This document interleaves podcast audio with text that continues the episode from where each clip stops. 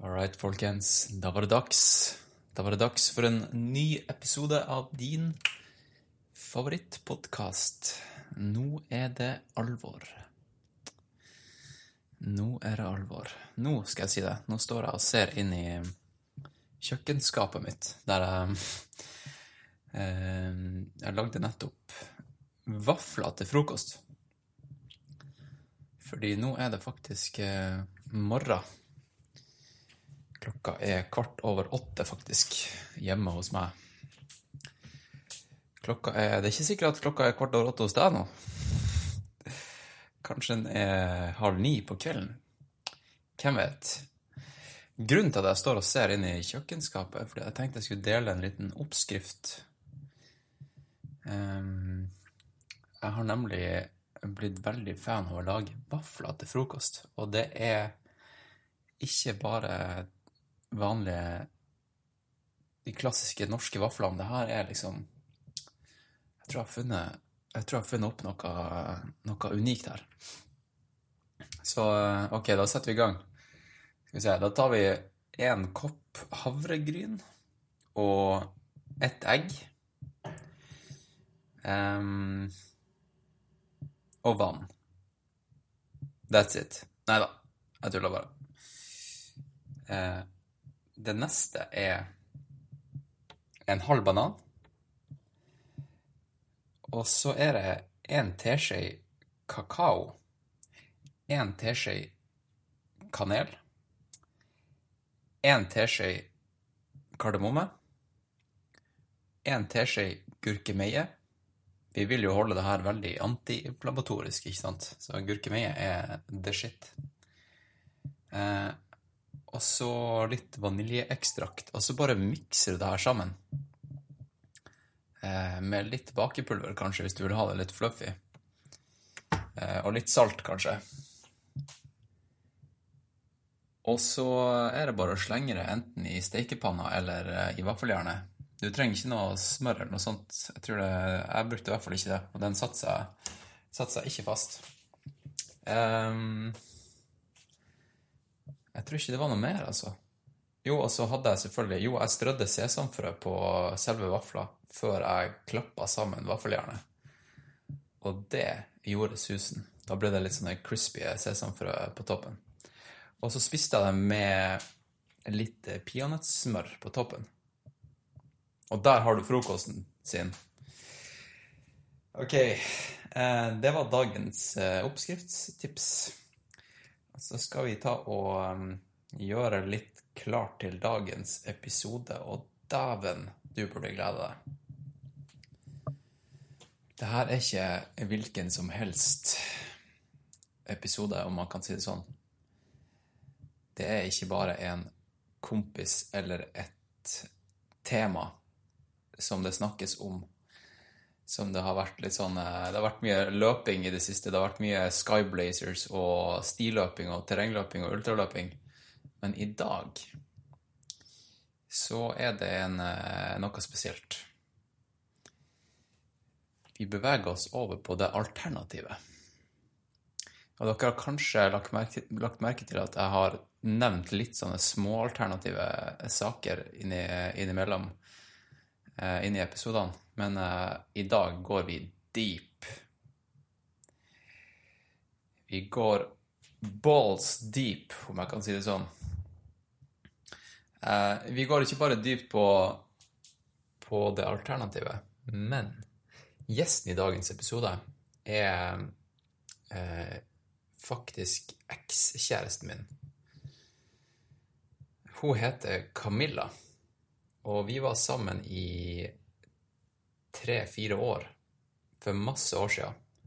Jeg tror det ble slutt for seks år siden, cirka. Og jeg har egentlig ikke sett henne ordentlig etter siden det. Og uh, hun fulgte uh, meg på Instagram for et par uker siden, og så um, tok jeg kontakt med henne, og så begynte vi å chatte litt.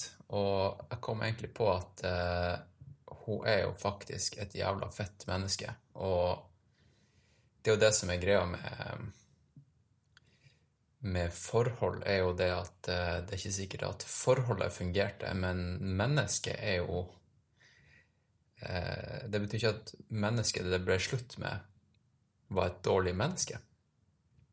Og Camilla er jo Jeg er storfan, hun er jo kjempekul. Så jeg er veldig glad for at jeg kunne møte henne nå uten noe resentment eller noe sånt der. Vi bare hadde det fett, og vi gikk veldig dypt i en av hennes store interesser, som er nettopp det alternativet og spirituelle.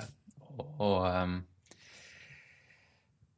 ja, noe som hun har eh, gjort i ja, de siste Ja, hun har vel gjort det to ganger, og det er jo det her ayahuasca. Og det skal du få høre alt om i dagens episode. Ayahuasca. Um, og selvfølgelig, jeg kommer til å å dra paralleller til, til løping underveis.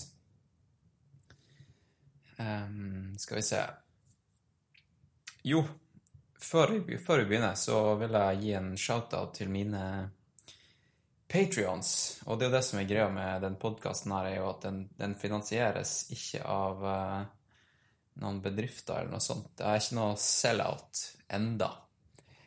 Um, Jeg har blitt approacha av, eh, av, VG, faktisk, og de sa at eh, kanskje, kanskje noe det alvor var aktuelt for en sånn her franchisemodell. Og så sa jeg fuck off! Jeg er ikke noe sell-out. Jeg har Patrions, og dem støtter meg. Og jeg vil ikke ha noen redaktør som skal si hva jeg eh, skal kunne si, og hva jeg ikke skal kunne si. Eh, og den podkasten her Altså, hver episode handler jo bare om ting som interesserer meg, og ting som eh, eh, tilfeldigvis kommer i i loopen min. Og det her, alle de her produksjonene av alt det her, det støttes av mine patrions på patrion.com slash alvorpodkast. Og hvis du vil være med og støtte, så går du dit. Du kan finne en link i, eh, i shownotes, i notatene på episoden. Ehm, og i dag tenkte jeg at jeg skulle ta og eh, ikke lese opp eh, de ti dollar Patrion supporters sjøl. Jeg tenkte jeg skulle bruke Mac-en.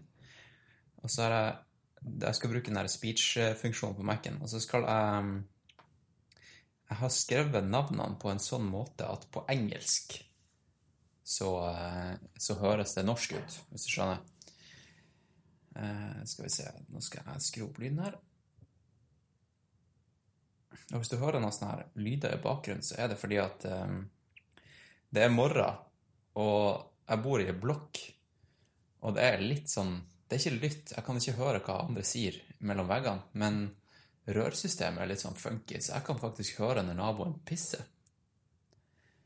Eh, og når de skrur på, på vannet i, i, i vasken og sånn der, så eh, det var en digresjon. Skal vi se Speech. Er dere klar? Er dere klar? Ok, da starter vi. Én, to, tre. Paul, Tyler, Matthew, Robert, Board, Ruben, Remy, Fred, all Anders, Peggy, Marcus, Jorgen, Thor Eric. Og det var mine ti dollar patrons. Tusen hjertelig takk. Det er jo bare dødsfett at, uh, at dere støtter denne podkasten her. Uh, og spesielle shout-out til en Patrion som jeg fikk i går. Matthew, eller Matthew, jeg er ikke helt sikker på hvordan du uttaler det. Velkommen i klubben. All right. Da tror jeg egentlig bare at vi setter i gang. Jeg skal ta og, og trykke på play her. Jeg sa jo i siste episode at jeg hadde kjøpt en sånn svær en svær knapp å, en sånn play-knapp som var én kubikkmeter stor, som eh, krevdes Altså at det kreves uh, ufattelig mye sånn sveiving for å få den opp for å det hele tatt kunne dytte den ned. Så jeg har stått nå i et kvarter og sveiva for å få den knappen til å komme opp. Eh, og nå skal jeg hoppe på denne knappen med all min makt. Og når jeg hopper på den, så starter vi dagens episode med hun Camilla Elise Berg.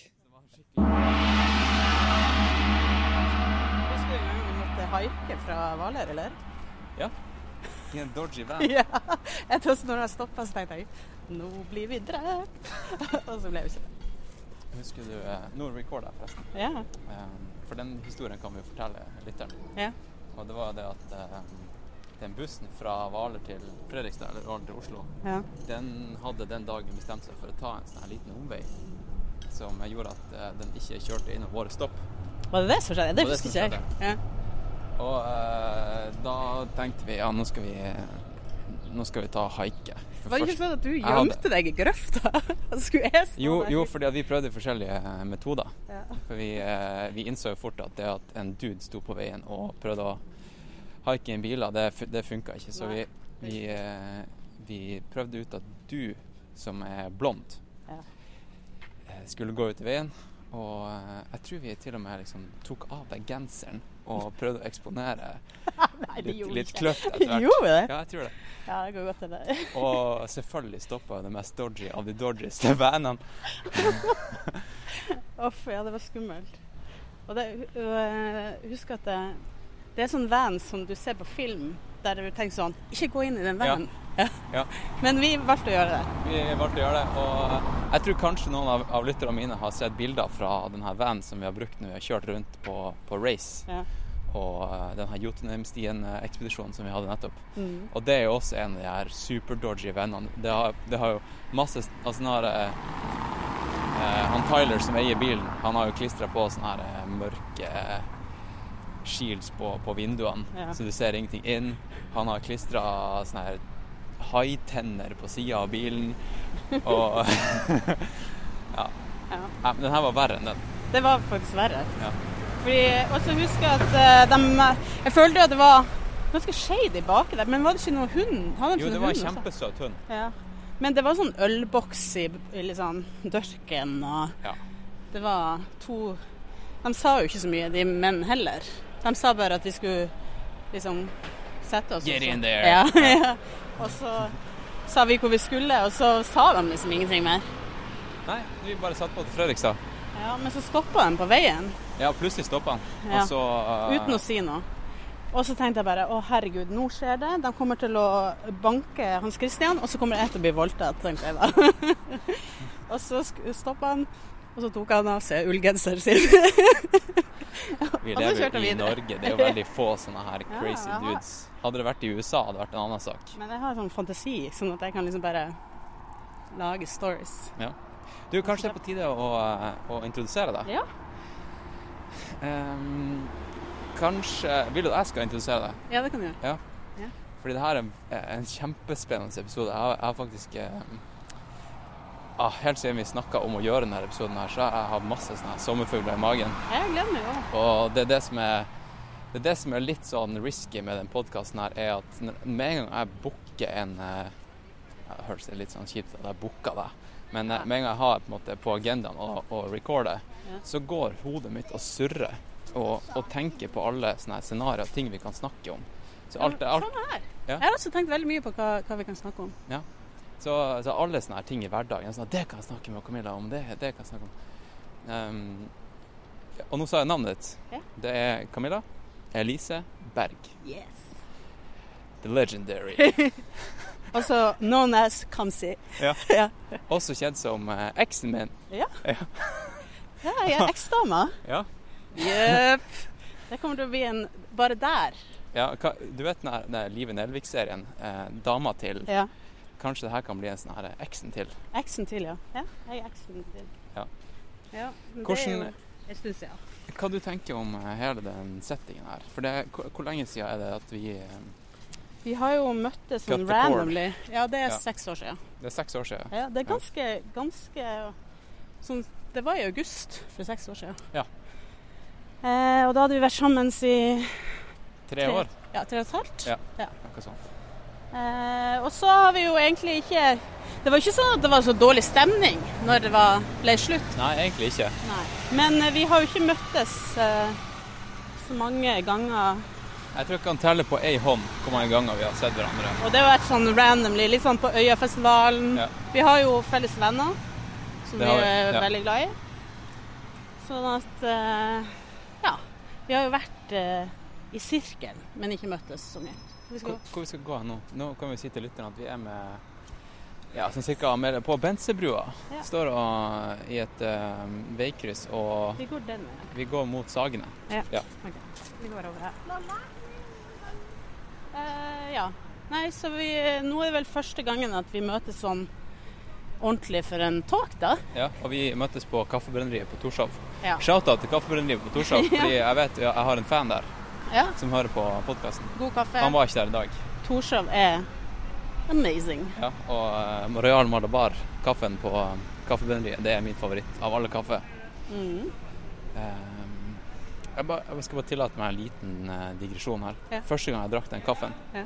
jeg husker det så jævlig godt. Fordi jeg kjøpte, jeg kjøpte en kopp på Olaf Ryes plass. Mm. Og så gikk jeg til jobb. Og så gikk jeg over Nybrua. Ja. Og så tok jeg den første sippen der. ja. Og så fikk jeg sånn her umiddelbar rus Seriøst? på morgenen. Ja. Eh, jeg ble liksom satt ut, for at jeg ble, jeg ble ordentlig rusa. Sånn gledesrus? Ja, sånn her, du kunne liksom høre pulsen din i, i, i skallen sånn dunk, dunk, dunk, dunk. Og, og var glad og hørte på musikk samtidig. Og det var sommer og Mye positive følelser. mye positiv, ja. Det skjedde noe med den sippen der. Ja. Men litt sånn som eh, alle typer sine første rusopplevelser. Sånn var den. Og selvfølgelig klarer du aldri å gjenskape den med denne koppen. Eller alle andre nye sånne hits som du Ja. Den koppen her var god, men ikke like god som den første. Ja. Jeg liker hvordan du, du blir Sånn som jeg husker når vi var sammen òg, at du kunne lett bli liksom veldig opphengt i sånne ting. da. Ja. Og eh, få veldig sånn positiv følelse rundt ja, f.eks. en kopp kaffe. Det er en veldig god egenskap. Ja, men det, det, det er verdt å stoppe opp litt i hverdagen og sette pris på de her småtingene. Absolutt. Du, det er jeg så enig i. Life Det er. Hva du sa Life lesson? ja, det er life lesson. Ja. Hva, hva det var vi snakka om før jeg tok oss Eh, på et sidespor? Vi uh, snakka om at uh, vi egentlig ikke snakka sånn ordentlig etter det ble slutt for Ja. seks år siden. Ja. Uten at det har vært noe dårlig stemning i det hele tatt, egentlig. Det er bare ja, skjedd. Ja. Eh, og så har det jo skjedd veldig mye i livene våre på hver sin kant, egentlig. Sånn som det nå gjør på fem-seks år i livene til folk. Absolutt. Og i hvert fall i den alderen vi er i. Ja. Jeg er jo litt eldre enn deg, da. Ja, du er faktisk hva det er, fire-fem år eldre enn meg. Ja, fem. Ja. Så eh, ja. Jeg har jo fått et barn, f.eks. Du har fått et barn. Ja. På, eh, som er tre år. Tre og et halvt. Og eh, ja. Har familie, og vi har kjøpt bil, Ja, og jeg blir så voksen. Ja.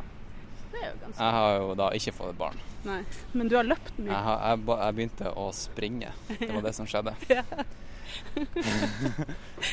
Ja, men uh, gleder meg til å høre mer om det, altså. Ja. Um, det, det kan jeg bare flagge til lytteren. Jeg vet ikke når denne episoden blir droppa i forhold til Jotunheimstien FKT-opplegget. Kanskje Nei. før, kanskje etter. Ja. Men det, det kommer garantert til å um, Vi trenger ikke snakke så mye om det. Nei, jeg måtte jo episoden. spørre hvor Jotunheim egentlig var. Ja, Så der ikke sant? Ja. Men det vet jeg nå, det er i Trondheim et sted. Nei. det er midt i landet.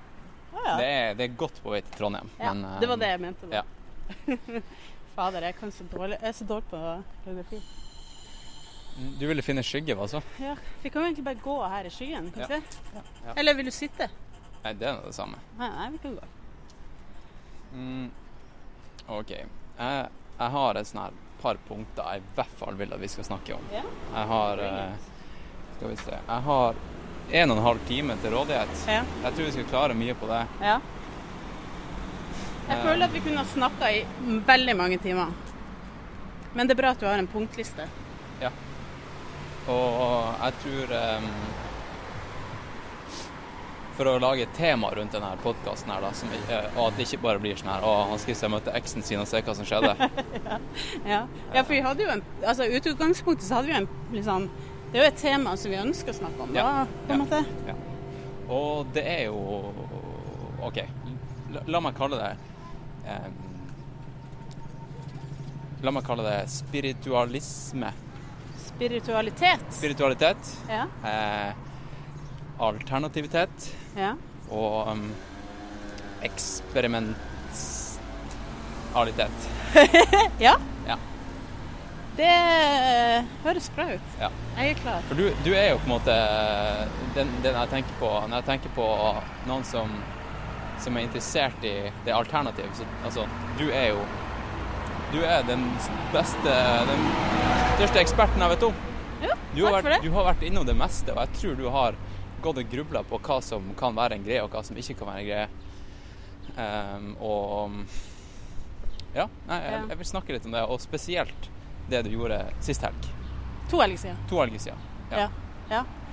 Så kan ikke du ta meg, ta meg og lytteren inn på en litt sånn ehm, story, backstory, Ja. og snakke litt om eh, din første opplevelse med eh, med det spirituelle, ja. Eh, vel eller Altså- det alternativet. Ja. Jeg føler jo at eh, altså når man vokser opp i Nord-Norge, så er det jo mye kultur da som eh, I hvert fall der i min familie, da, at eh, jeg har liksom vokst opp litt med overtro. Jeg vokste opp med eh, også religion. Eh, jeg var jo på en måte eh, troende som barn, eller hadde en sånn barnetro, da, fordi at det var det vi lærte. Ikke det at vi gjorde noe mer enn å gå i kirka på julaften og sang 'Kjære Gud, jeg har det godt' når vi skulle legge oss. Ja. Um, men eh, det var noe som eh, ja, var en del av oss, uh, og meg. Men jeg har alltid vært en sånn person som var veldig søkende. da. Helt siden jeg var liten så har jeg liksom lurt på hva er meninga med å være her. Eh, og jeg husker til og med at jeg begynte ganske tidlig å spørre pappa liksom om, om det her med Gud. da. Ja. For jeg fikk det liksom ikke helt til å stemme, det med, med Ja, han er vår far og Ikke det at det, foreldrene mine er ikke såpass kristne da.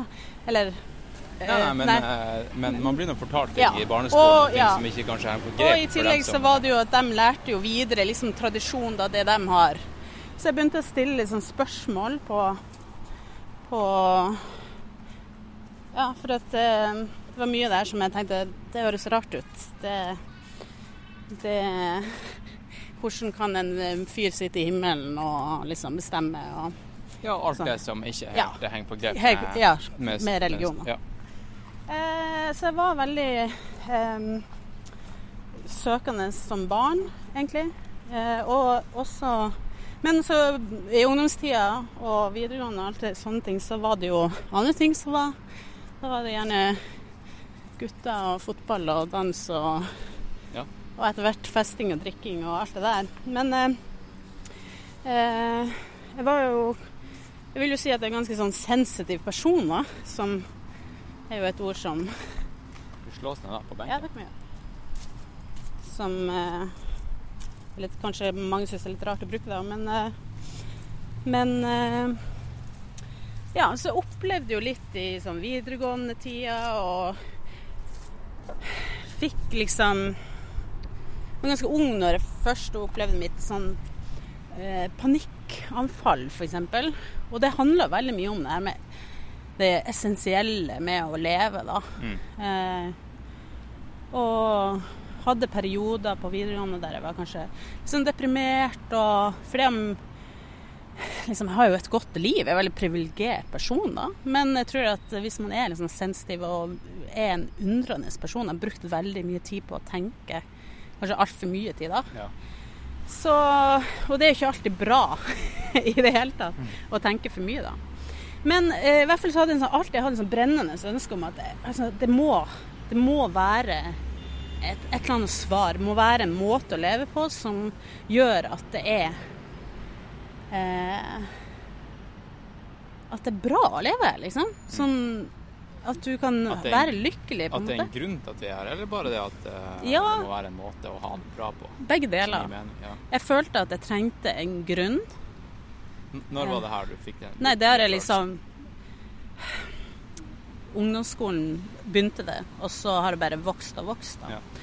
Eh, så, men under studietiden og sånne ting, så er man jo opptatt med veldig mye. Eh? Ja, hva du studerte? musikk. Ja. Det vet jo jeg, nå spør Ja. jeg på det Ja. Så jeg studerte to år her i Oslo, og så tok jeg ett år i England. Ja. Eh, og så bestemte jeg meg eh, for å bli igjen i England i noen måneder. Eh, for å jobbe. Eh, Det her var i Birmingham. Da vi, alle, vi hadde møttes den sommeren, for vi begynte å jobbe sammen på Eplehuset i Tromsø. Ja. Og så dro jeg Det tilbake. legendariske eplehuset Ja, fy søren. som nå er lagt ned. Er det det? Strandgata. Ja, det er jo på, ja, på en, ja, det er litt trist. Ja. Uh, uansett. Eh, men det var vel da, når jeg dro tilbake til England og egentlig ikke trivdes veldig godt, og var litt sånn shit, hva gjør jeg nå? At jeg har ei tante da som var veldig opptatt av meditasjon, og kunne liksom legge sånn kort da, og kanalisere da, Ja. informasjon Ja. på en måte. Så det var jo hun som visste meg ting. Fordi at hun Jeg husker at jeg, hun var en veldig god venninne av meg òg, i tillegg til å være tante. da. Og hun, jeg husker jeg var veldig sånn nedfor, for jeg visste ikke hva jeg skulle gjøre med livet og sånt. Og så kanaliserte hun da informasjon ned som Fra hvem? Fra Ja, nå, fra, nå går ja, vi deep her. ja, Bare si alt ja, som er. Altså, fra hvem? Ja, noen kaller det for guider, noen kaller det for source energy. Men det er da informasjon, egentlig, Ja. ute der. Ja. Som eh, Ja. Å, det her er så spennende. som hun kanaliserte ned. Ja.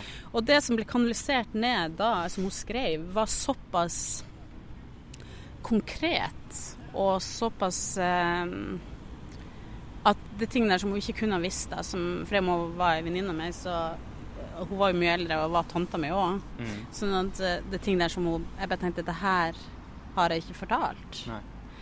Sånn at da ble det såpass uh, Da tenkte jeg shit, hva er det her, da?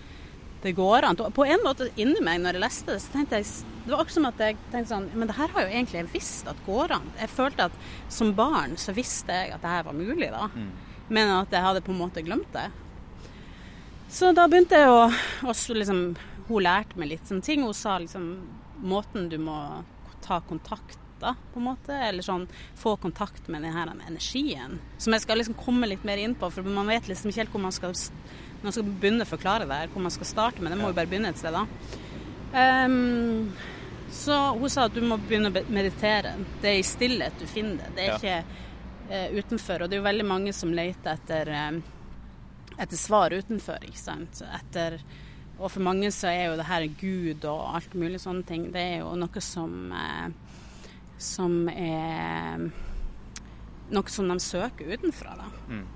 Så hun var veldig sånn Du må, du må meditere. Hun hadde lært eh, meditasjon.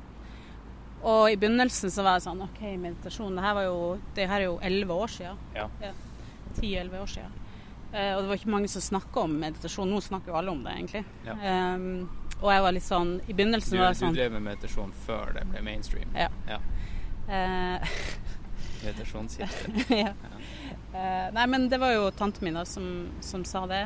Um, og da begynte jeg å, å øve på det. Og det var veldig mye sånn i begynnelsen som jeg tror alle tenker på. Hva er meditere nå? Hva er det egentlig? Skal jeg ikke ha noen tanker i hodet? Eh, fordi det var eh, Og det handler jo mer om at du skal registrere tankene dine, og så bare la dem gå videre, da. Ja. Men i begynnelsen var jeg også veldig redd, for jeg skjønte at hvis jeg åpner denne kanalen her, på en måte, så, så vil jeg oppleve Ting kommer til å endre seg ganske mye med, med hvordan jeg lever livet mitt. Jeg fikk Ja. en sånn følelse, så jeg var veldig sånn På, på en måte så ba jeg, da. Fordi at når jeg var barn, så husker jeg jeg ba til Gud uten at jeg hadde liksom sånn følelse av hva, hva det egentlig gjorde. Men det var akkurat som at jeg, på en måte sa sånn Å, herregud. Ja. Eh, jeg ba om Jeg vil ikke oppleve noe, men samtidig jeg vil, på en måte. Ja. Um, så da um, Ja, så begynte jeg å meditere. Gjorde det mer og mer. Og så begynte jeg jo da å oppleve litt sånn ting, da, som Sånne synkroniseringer og ja, ting som jeg så, da. Som, som jeg ikke klarte å for, forklare på et vis, da. Mm. Noe som også er litt sånn Jeg føler jeg kan være litt sånn kleint å snakke om, for det blir liksom, sånn forbindes med liksom Lille Bendriss og Ja, og, Bakt eh, og Ja, hun um, Hva heter hun der artisten? Hun uh, ah, Hun som drev og samarbeidet med Snoop Dogg en periode. Hæ? Hun som hadde sitt eget show på, på TV. Nei, jeg Hun der vet som ikke. drev og, og twerka overalt. No, norsk dame. Som twerker, som liksom Ja, bare glem det. det Nei, jeg vet jeg ikke. jeg kommer sikkert på navnet etter hvert. Ja. Men det, det jeg tenkte jeg skulle si nå, var at uh, det her er jo det, det som er så nice med å være independent og ikke være en journalist og ikke ha noe uh, På en måte ingen editors som Ja. kritiserer meg. Jeg Mm. trenger ikke å ha en eh, journalist-approach. Jeg kan være partisk. Jeg kan være med deg nå. Ja. Jeg trenger ikke stille kritiske spørsmål engang. Nei. Nå skal vi bare Men du kan dit. det hvis du vil. Jeg Ja, er vant med at det er jo noe som er veldig annerledes, og veldig mange er kritiske til, som er helt forståelig. Du har, jeg kan tenke meg du har fått mye motgang. Det fikk du jo fra meg også da vi var sammen. ja. Jeg har jo Eh, blitt mye mer åp åpen for det meste. Jeg har ikke drevet med det her sjøl, men jeg, jeg, lar, jeg lar det skje og, og registrerer at uh, folk holder på med det, og jeg syns det er fett. Ja. Uh, ja, fordi at når vi ble jo sammen ikke så lenge etter det der, og jeg begynte jo å meditere mer, og jeg begynte å liksom Jeg har jo lest veldig mye. Ja. Masse filosofi. Masse Mye fordi at jeg så sjøl at jeg hadde en del sånn skyggesider, og det er noe som alle mennesker har da. Man har opplevd ting i barndom. For det om du har hatt en veldig fin barndom, og, men ting skjer i livet da. eh, og- Ting setter spor. ja. Ja. Som gjør at vi, vi legger seg i underbevisstheten, som gjør at vi ikke Som vi tar valg som ikke er Som, ja, som kan være veldig destruktive da, Ja. for oss alle. Og jeg så liksom at jeg skulle jeg få mitt beste liv, for jeg har veldig sånn ambisjoner, har lyst til å skape ting, jeg har lyst til å påvirke andre mennesker. da. Så hvis jeg skal gjøre det, så er jeg nødt til å, å granske meg sjøl. Så jeg har i de siste ti årene liksom satt meg sjøl under lupen og granska alt. Mm. Følelseslivet mitt, alle liksom traumer. Og det har blitt ekstremt til tider, der jeg tenker sånn OK, husk at livet er ganske Det skal øh, liksom Det skal ikke bare være alvor, da. Det, du skal ha det gøy. Ja. Men det skal jeg komme tilbake til. På, på podkasten her. Nå er det alvor. Ja. ja. ja, men jeg, jeg tror at eh, jeg har blitt veldig sånn opphengt i å, å forbedre meg sjøl, da. Ja. Eh, ja, det er jo veldig i vind, da. Ja, ja absolutt. Eh, og det kan høres ut som en klisjé, for det er jo for de mest privilegerte som kan gjøre det. Ja. Og jeg er såpass privilegert, men jeg tror det også kommer med et ansvar, for hvis du lærer noe, så må du lære det videre. Og det viktigste er at du hjelper andre. Og Ja. det kommer liksom litt med det jeg opplever med det her arbeidet, er jo at du får et sånn brennende ønske til å hjelpe. Jeg har virkelig lyst til at andre mennesker skal ha det bra og, og liksom oppnå sitt potensial. Da. Men det er også det at jeg ønsker jo også at folk skal være ja, Jeg, være gode mennesker. du, jeg er så sykt enig. Jeg kan relatere til løping. Ja. Eh, det der med La oss, la oss si at jeg hadde vært maratonløper, da. Mm, Og at jeg bare hadde dratt til Kenya og trent i høyden alene mm, med masse kenyanere. Og så hadde jeg sprunget maraton på under to timer. Men det var det eneste jeg gjorde. ja. Hvis ikke jeg hadde hjulpet noen andre i å nå sine mål, så hadde ikke det gitt mening i det hele tatt. Nei, det er akkurat Som- det. ja. At du liksom du får et, et brennende ønske, da, og du får veldig mye av å, å gi til andre, da. Og hjelpe andre. Og det, jeg elsker jo å ha samtaler med mennesker som sier sånn Ja, sånn dype samtaler, da. Som, som gjør at man, man kan se på eventuelt problemer eller utfordringer eller uansett, da, og se hvordan man kan eventuelt løse det. Og jeg tror at det, veldig mange søker utover på hvordan man skal løse problemene sine, og det er Jeg, jeg vet at det er ikke veien å gå, liksom. Det er innover, liksom. Mm. Og det gjør du i stillhet, det gjør du i meditasjon. Men det er skummelt. Sant? Det er kjempeskummelt. Folk, vi har jo nå i samfunnet vi, vi liker jo ikke å være i stillhet. Nei. Vi må enten ha podkast på øret eller se på en serie. Vi kan ikke være alene hjemme og bare ha det stille, da. Ja. Skru av podkasten, folkens. Ja, Skru gjør det, ikke hør mer på det. Nei, men eh, vi, har, vi har veldig mye motstand på å være stille, og det er fordi at jeg tror at hvis stillheten er der, så kommer tankene, Mm. så kommer følelsene, eh, som vi må se på, men som vi har egoet vårt prøver hele tida å distrahere oss bort ifra. Men, men tror du ikke at det kan være litt sånn skummelt, eh, eller sånn du, du trigger noe latent hvis du lar folk være alene med seg sjøl og tankene sine? Jo, men jeg tror at eh, eh, Jeg tror at du må gjøre det for at du må se det for at det skal gå bort. da. Ja. Ser, altså det, det jeg har lært, er at eh, hvis du har noen mørke sider Jeg, har, har, jeg føler jeg har liksom Jeg har hatt mine ting med liksom angst og, og sånne ting. Og husker jo når vi også var sammen, jeg hadde jo en periode der jeg var eh, hadde det tøft, ikke sant? Ja.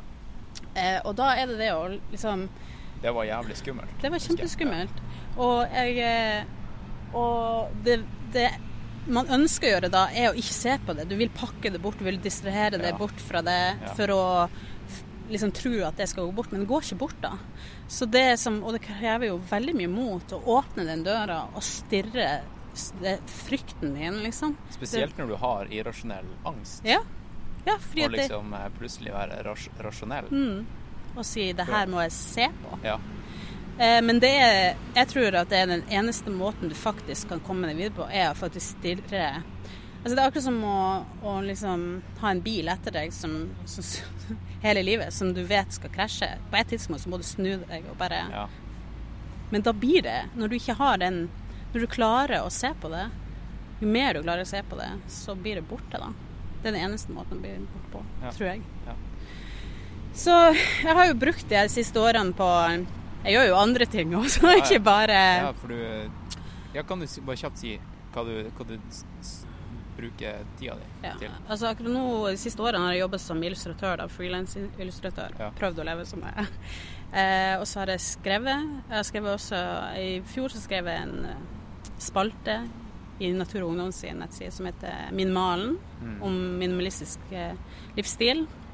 Ja, det vil jeg egentlig også snakke om. Faen, vi kan ha masse podkast. Ja. Jeg kan komme tilbake, så kan vi snakke om det. Ja. Og så Ja, for jeg har jobba i mediebransjen i mange år, men ville ut av det. Ja, for det ble Så- ikke noen musiker av musikkutdannelsen. Nei, og du, egentlig så var det ikke sånn at jeg Jeg tror at jeg hadde bare behov for å skape noe. da. Jeg tror ikke jeg aldri egentlig har lyst til å bli musiker sånn. Nei. Jeg hadde bare lyst til å skrive låter, da. Ja.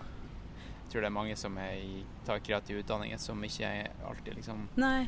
For meg akkurat da så visste jeg liksom Jeg hadde ikke noe annet. For meg Jeg visste ikke hva annet jeg skulle gjøre. Og det Jeg har alltid vært glad i musikk. Jeg hadde lyst til å skrive musikk, og det har jeg gjort. Og det er jo noe jeg kan fortsette med, men bare sånn på privaten. Ja, ja. Og Men- det har jo hjulpet deg i yrkeslivet også.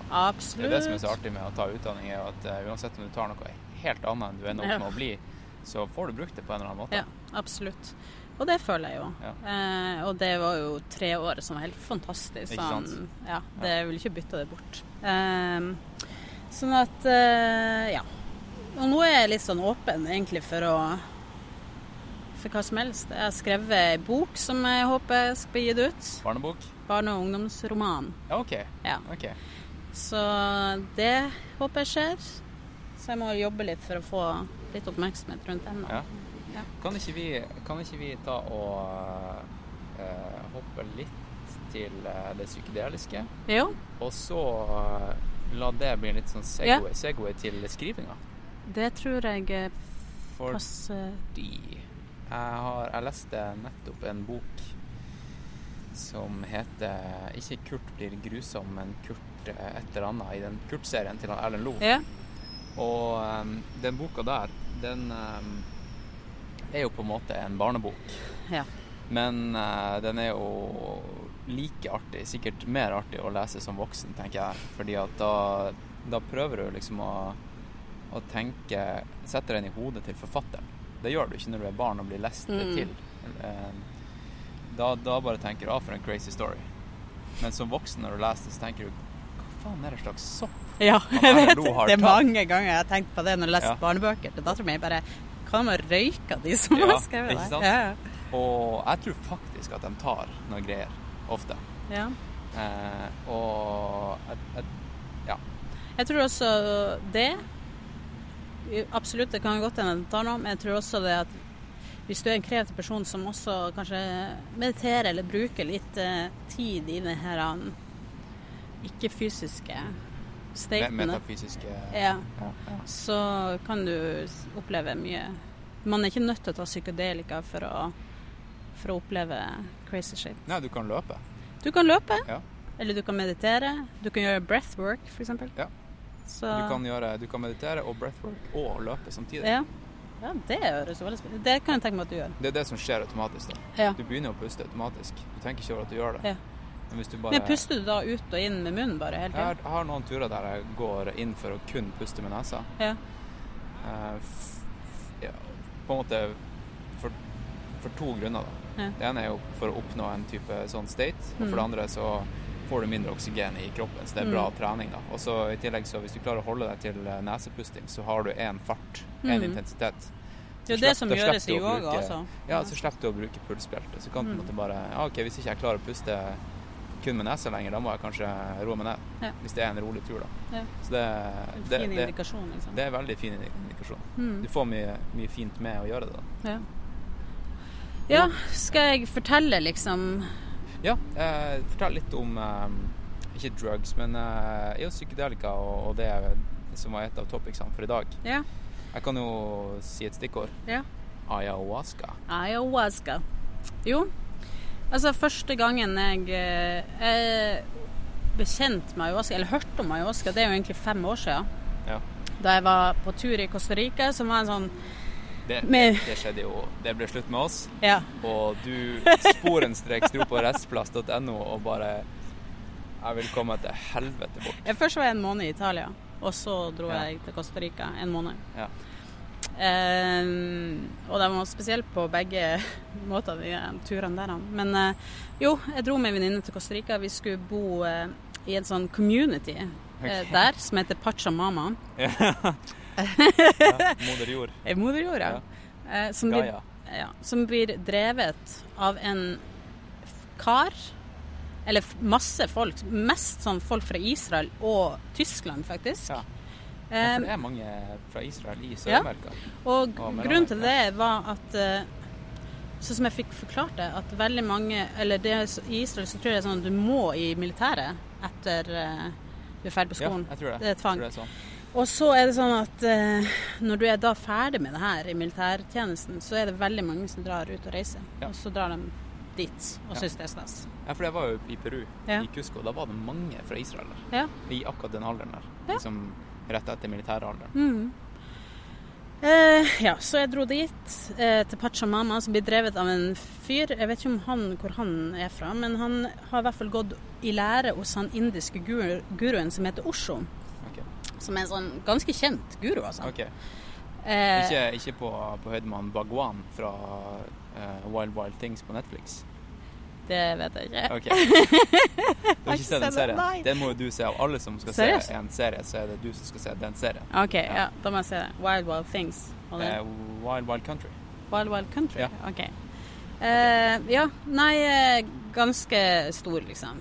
Eh, veldig kjent. Du finner vel masse ut av hans lære på nett. Og, Ja. Eh, som har starta en sånn community der det bor jeg lurer på om det er sånn 150 stykker, kanskje, med hus. Noen har hus i trær. Altså det her er langt inn i jungelen, da. Ja, ja. Og så har de eh, sånn meditasjonsrom. De har, folk kommer jo dit og gjør yoga, gjør ayahuasca. Mm. Eh, de jobber frivillig, det skulle vi gjøre da. Eh, vi bodde i en sånn hytte uten vegger, holdt på å si.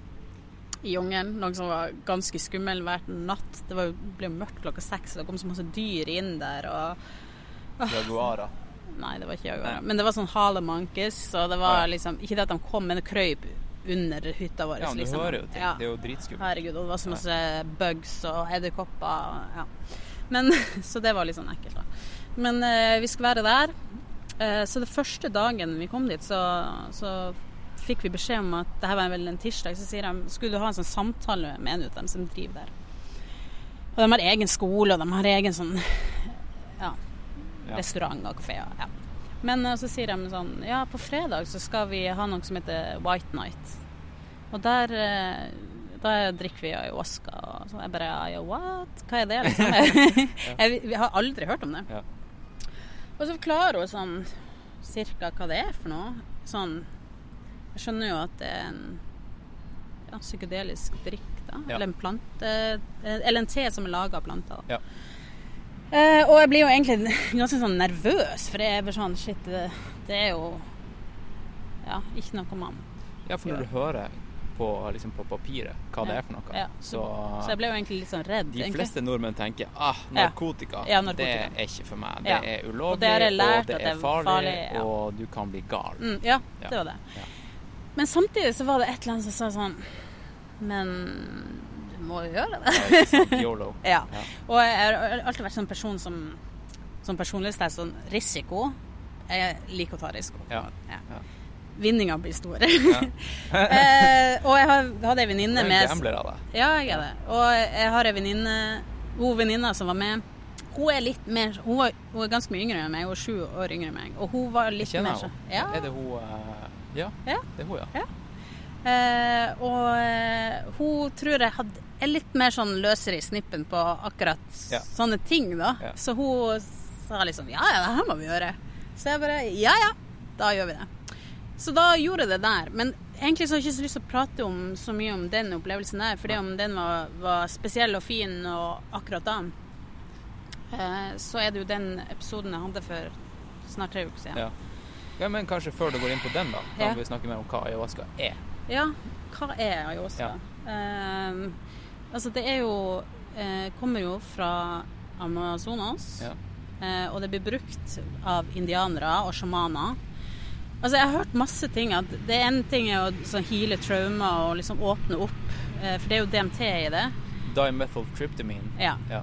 Som åpner opp, og det er psykedelisk, og du eh, får da kontakt med Jeg vil kalle det source energy, da. ja, Pachamama. Pachamama. Du får kontakt med Pachamama. ja. eh, og det er jo da Mother Aya, eh, Mother Ayahuasca, som er den her eh, plantegudinnen da, som, du, som, som skal lære deg ting. Ja. Og eh, du får se gjerne skyggesidene dine først. Ja. Du må gjennom fuckings mørke av og til. Ja. Men du kan be den om å gå easy on you. Og du får aldri mer enn hva du takler. Nåde. ja, du får aldri mer enn hva, du, hva du takler. Ja. Men det som jeg syns er viktig å, å liksom si, da, det er jo at det er ikke noe å kødde med, liksom. Nei.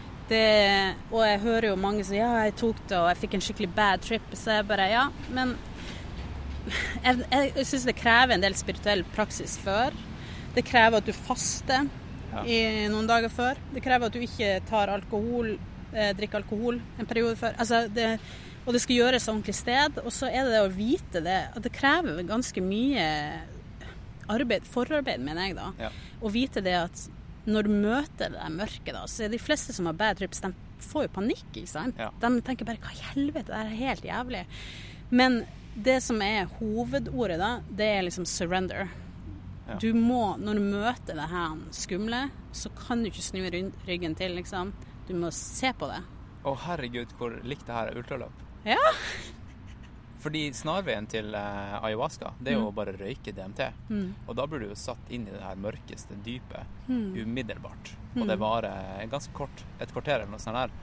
Eh, men da, hvis du hadde fått en, et menneske til å oppleve det du, det du går gjennom på de mørkeste periodene i et ultraløp Hvis du Mm. bare hadde kunnet liksom satt et menneske direkte inn der uten at jeg er klar over det, Mm. hva liksom alt forarbeidet og hva som kommer til å skje og hvordan du kommer til å føle deg eh, du hadde ikke, Det hadde ikke blitt bra. Nei. Nei. Nei. Nei, det er akkurat det, og, og det krever ganske mye Jeg mener jo selvfølgelig det er mange som drar og ikke får store opplevelser. Det er mange som får kjempefint, bare er i en fin tilstand og alt er vakkert og sånne ting. Ja. Eh, og, og det tror jeg da er det meninga at det skal skje. Jeg tror at eh, du får det du skal. Eh, og første gangen jeg gjorde det, så, så fikk jeg jo virkelig det. Jeg skjønte hva som skjedde, og, og, og akkurat da så var det veldig mye at det, kroppen min begynte å riste da. Eh, litt sånn som Jeg vet ikke om du har hørt om eh, trauma release exercises da? Eh, jo. Ja. Ja. Det var egentlig det som skjedde. Først trodde jeg at jeg hadde fått evig Tourettes, liksom. Men, Oh, et- ja, så jeg var jo ganske redd. Men etter hvert så får man et, Når du bestemmer OK, det her er det som skjer. Ja. Jeg kan ikke kontrollere det. Da skjønte jeg jo hvorfor jeg, jeg var nødt til å riste ut alt det her eh, som lå i energien i kroppen min. da. Ja. Som hadde også blitt arva ned fra tidligere generasjoner av kvinner. da, Ja. Fikk jeg beskjed om. Noe som høres sykt ut. Ja. Men uh, ja. Det var nå det som skjedde sånn basically fem timer på den første trippen. Ja, for hvor lang, hvor lang var den seremonien her? Ja, det, altså, Det er det man kaller det. Man kaller det ayahuasca-seremoni. Man- Først den seremonien i Costa Rica, så var det jo veldig vakkert. Altså, jeg lurer på om vi var ganske 80-90 stykker. Okay. Og da var det delt opp kvinner på den ene sida, menn på den andre sida. De hadde til og med barna sine der, da. Men det var madrasser, okay. sånn at de kunne sove der på natta. Ja. Og så var det innerste sirkelen så satt de og spilte De to sjamanene spilte da portugisisk musikk, som de gjerne gjør under Portugisisk musikk. Ja. Eller sånn brasil, brasiliansk, som er på, på portugisisk. Ja, ja, ja, ja. Um, sånn at eh, det var veldig sånn Alle var kledd i hvitt, det skal man jo være da. Eh, veldig fint. Det var liksom Altså i forhold til det jeg var på nå i Nederland, så var det jo litt mer Det var ikke så mye informasjon. Det var ikke sånn at du du Jeg kan ikke huske at jeg skrev under på noen papirer, liksom. Og ja. De, det er litt mer sånn hippietilstander, da. Ja. Men det var eh, folk der som som tok ayahuasca, som var såpass vant med det, og sikkert ikke tok så masse som var sånne hjelpere. Da. Sånn at når jeg freaka ut pga. kroppen begynte å riste så mye, så, så fikk jeg jo masse hjelp, da. Ja. Eh, Og når jeg var ferdig, og venninna mi Jeg var jo liksom Shit, jeg hadde ikke sett venninna mi på flere timer. Jeg var på morgenen, vi starta klokka halv ni på kvelden, og det her begynte å bli på morgenen. Og så kommer jeg opp, og så ser jeg bare venninna mi ligge på en madrass, og hun har bare vært på den fine reisa, liksom, og ja, hadde en helt annen opplevelse enn Geir. Eh, men min første opplevelse var egentlig bare mest kroppslig, da, fordi om jeg skjønte, fikk vite ting, hvorfor ting skjedde da. Men eh, så trodde jeg ikke at jeg skulle ta det her på, på lang tid, egentlig. Eller jeg visste at jeg skulle gjøre det, men det som skjer etter det, eh, den turen, da, er jo at de største liksom tingene i livet mitt skjer, på en måte. Mm. Eller det var ikke som jeg på en måte var Her liksom vil du ikke si at jeg var det største. Sorry! I have to break it to you. Nei, men eh, jeg eh, Ja. Det er masse som skjer i livet da. Eh, jeg blir annet gravid og får det her barnet. Og, Men i løpet av de her tre årene så er det noen hendelser da, som gjør at, eh, at jeg får posttraumatisk stress. Da. Jeg orker ikke å fortelle liksom hva Nei, det er, nei. men, men uh, Ja. Tøffe ting. Ja. Um, og da uh, Men Og underveis jobber jo med det. eh, liksom Bruker trauma release exercises. Bruker Har en sånn fantastisk sånn Jeg vil kalle henne terapeut, men hun er jo ikke noe psykolog. Men hun bruker jo liksom alternative metoder da, på, å, på, på traumer, som hun er kjempeflink på. Ja. Eh, helt fantastisk. Um, som at jeg, jeg liksom Ja, i siste året, da, har følt meg veldig mye bedre. Ja. Det, det var jo det at jeg følte meg kunne få litt sånn posttraumatisk stress med at jeg kunne føle meg utrygg. Eh, og var, hadde stress i kroppen og, Ja. og sånne ting. Men eh, så plutselig her i, i mars-april så under meditasjon da Nå hadde jeg jo andre venninna mi som var i Costa Rica. Hun dro til Nederland i april Ja. og tok ayahuasca på et veldig fint sted der. For der har de flere sånne retreats som du kan dra på. Og så under meditasjon rundt denne tida så var det akkurat som at jeg ble trukket inn i regnskogen. Det var, ja, altså I meditasjon så havna jeg alltid i regnskogen. Jeg hørte alltid liksom at jeg ble på en måte litt sånn kalla til å, å dra. Det høres jo rart ut, Ja. det skjønner jeg. men, men jeg følte det. Og jeg ble litt sånn Å, shit, skal jeg gjøre det her? Jeg var veldig sånn skeptisk. Eh, samtidig så følte jeg at det, det er visse ting inni meg eh, med det stress og, og diverse da, som jeg føler jeg trenger et ekstra hjelp. Ja. Jeg trenger noe. Fordi at jeg kan gjøre masse arbeid, og jeg jobber mye med meg sjøl og liksom Altså virkelig studert alt av tankemønster og brukt masse verktøy da, som jeg har. Men jeg føler at jeg, skal jeg liksom virkelig få gi slipp på noen av de tingene, så må jeg ikke ha hjelp, da. Ja. Så jeg bestemmer meg egentlig i slutten av mai-juni, kanskje, for å Jeg tar med meg to venner, eh, og da bestemmer vi oss for å dra på det her stedet i Nederland. Som, og det er jo veldig annerledes enn hva det er i Costa Rica, for her er det sånn du, får, du må lese ei bok først, eller blir anbefalt å lese ei bok som han som har starta retreaten, har skrevet om det. Du må Du kan ikke drikke alkohol på tre uker før. Du må kutte ut kaffe. Det ganske, du får en liste over hva du ikke kan spise først. Du Ja, må faste i minimum tre dager før. Du, det, var- det var greia, for jeg var jo i, i Peru, og Mm. jeg, jeg vurderte også å ta, ta en sånn seremoni. Mm. Eh, men da fikk jeg denne smørbrødlista med ting jeg måtte Ja. gjøre. Og Ja. da var det sånn OK, det, det er no go. Ja. Men, Fordi jeg, jeg trener mye, og jeg kan ikke drive faste i tre Nei. dager og ikke drikke kaffe, for det er avhengig av. Og du hadde nok klart det, da. jeg hadde Det sikkert tror klart det. Jeg, jeg gjorde faktisk en 24-timersfaste her om dagen. jeg. Gjorde det? Ja, ja. Det er state of mind, da. Jeg merker hver gang jeg de gangene jeg liksom jusa eller fasta eller whatever, så Jusa? Ja, Jeg skjønner hva ja. det er. Ja. Så, så Altså, hvis du er innstilt på det, så er det Ja. ingen sak. Det er ikke sult, det er bare en state of mind. Ja, det er sier, mind, ja. Du går inn i en sånn her eh, fase Ja. der du bare Ja, Ja. det er det her jeg Det gjør. det, ja. Det er litt sånn surrender der òg. Men eh, nei, så vi drar. Det her er jo da tre uker siden cirka. Ja. Um, og eh, vi drar på en fredag. Seremonien skal være på søndag. Eh, Mm. Men det hele lørdagen er en sånn forberedelse. Um, så når vi kommer dit, så er det et veldig sånn, fint sted utenfor Amsterdam. Uh, Ja. Og vi, er, altså, vi måtte ha Jeg så bilder på Instagram. Ja. Jeg så et hus og fine blomster og trær. Ja. Ja. landlig sted. Jeg så Og et hus. ja, men jeg var litt sånn overraska over hvor liksom, fin retreat det var da. For jeg liksom, så for meg at det skulle være litt med sånn hytte i skogen-type steder. Men eh, ja. Jeg kunne sikkert liksom lest litt mer på nettet, så hadde jeg sikkert sett at det var det retreatet. Men ja. Der følte jeg jo bare sånn intuisjon på at det var dit vi skulle, og venninna mi hadde vært der tidligere og var veldig fornøyd. da. Ok. Eh, men eh, vi dro, og eh, før det så måtte vi ha liksom signert avtale på hva, at vi visste hva vi skulle gjøre. Mm. Eh, og så en intensjon. da. Hva, hva er intensjonen din med Mother Aya? Ah. Eh, som jeg skrev litt om eh, hva det var jeg ønska å åpne. da. Ja, det tror jeg er kjempeviktig. Det det er nok veldig mange som bare eh, Kanskje de har opplevd noe skikkelig dritt og vil bare komme seg bort Mm. og tenke OK, ayahuasca er drøyt. Ja, Jeg vil ta det, for jeg vil bare escape. ja. Og det er Men- ikke noe du kan escape. Men, du men escape ikke. er ikke en grunn til å ta noe som helst, spør du meg. Nei, og, du blir, og ayahuasca er ikke en escape, for der Nei. får du virkelig se dritten din i Ja, øyet, liksom. Har du noen uh, demoner, så får du det slengt i fleisen. Absolutt. Har jeg hørt. Ja. Ja. Eh, så lørdagen så eh, Det var veldig rolig, for egentlig så bruker de å ha sånn 30 stykker på seremoni, men denne gangen så var det bare fem.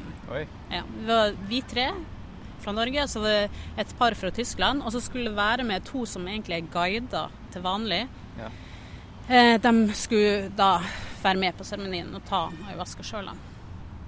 Og så var det tre guider som jobba der, som skulle hjelpe underveis. da. Ja.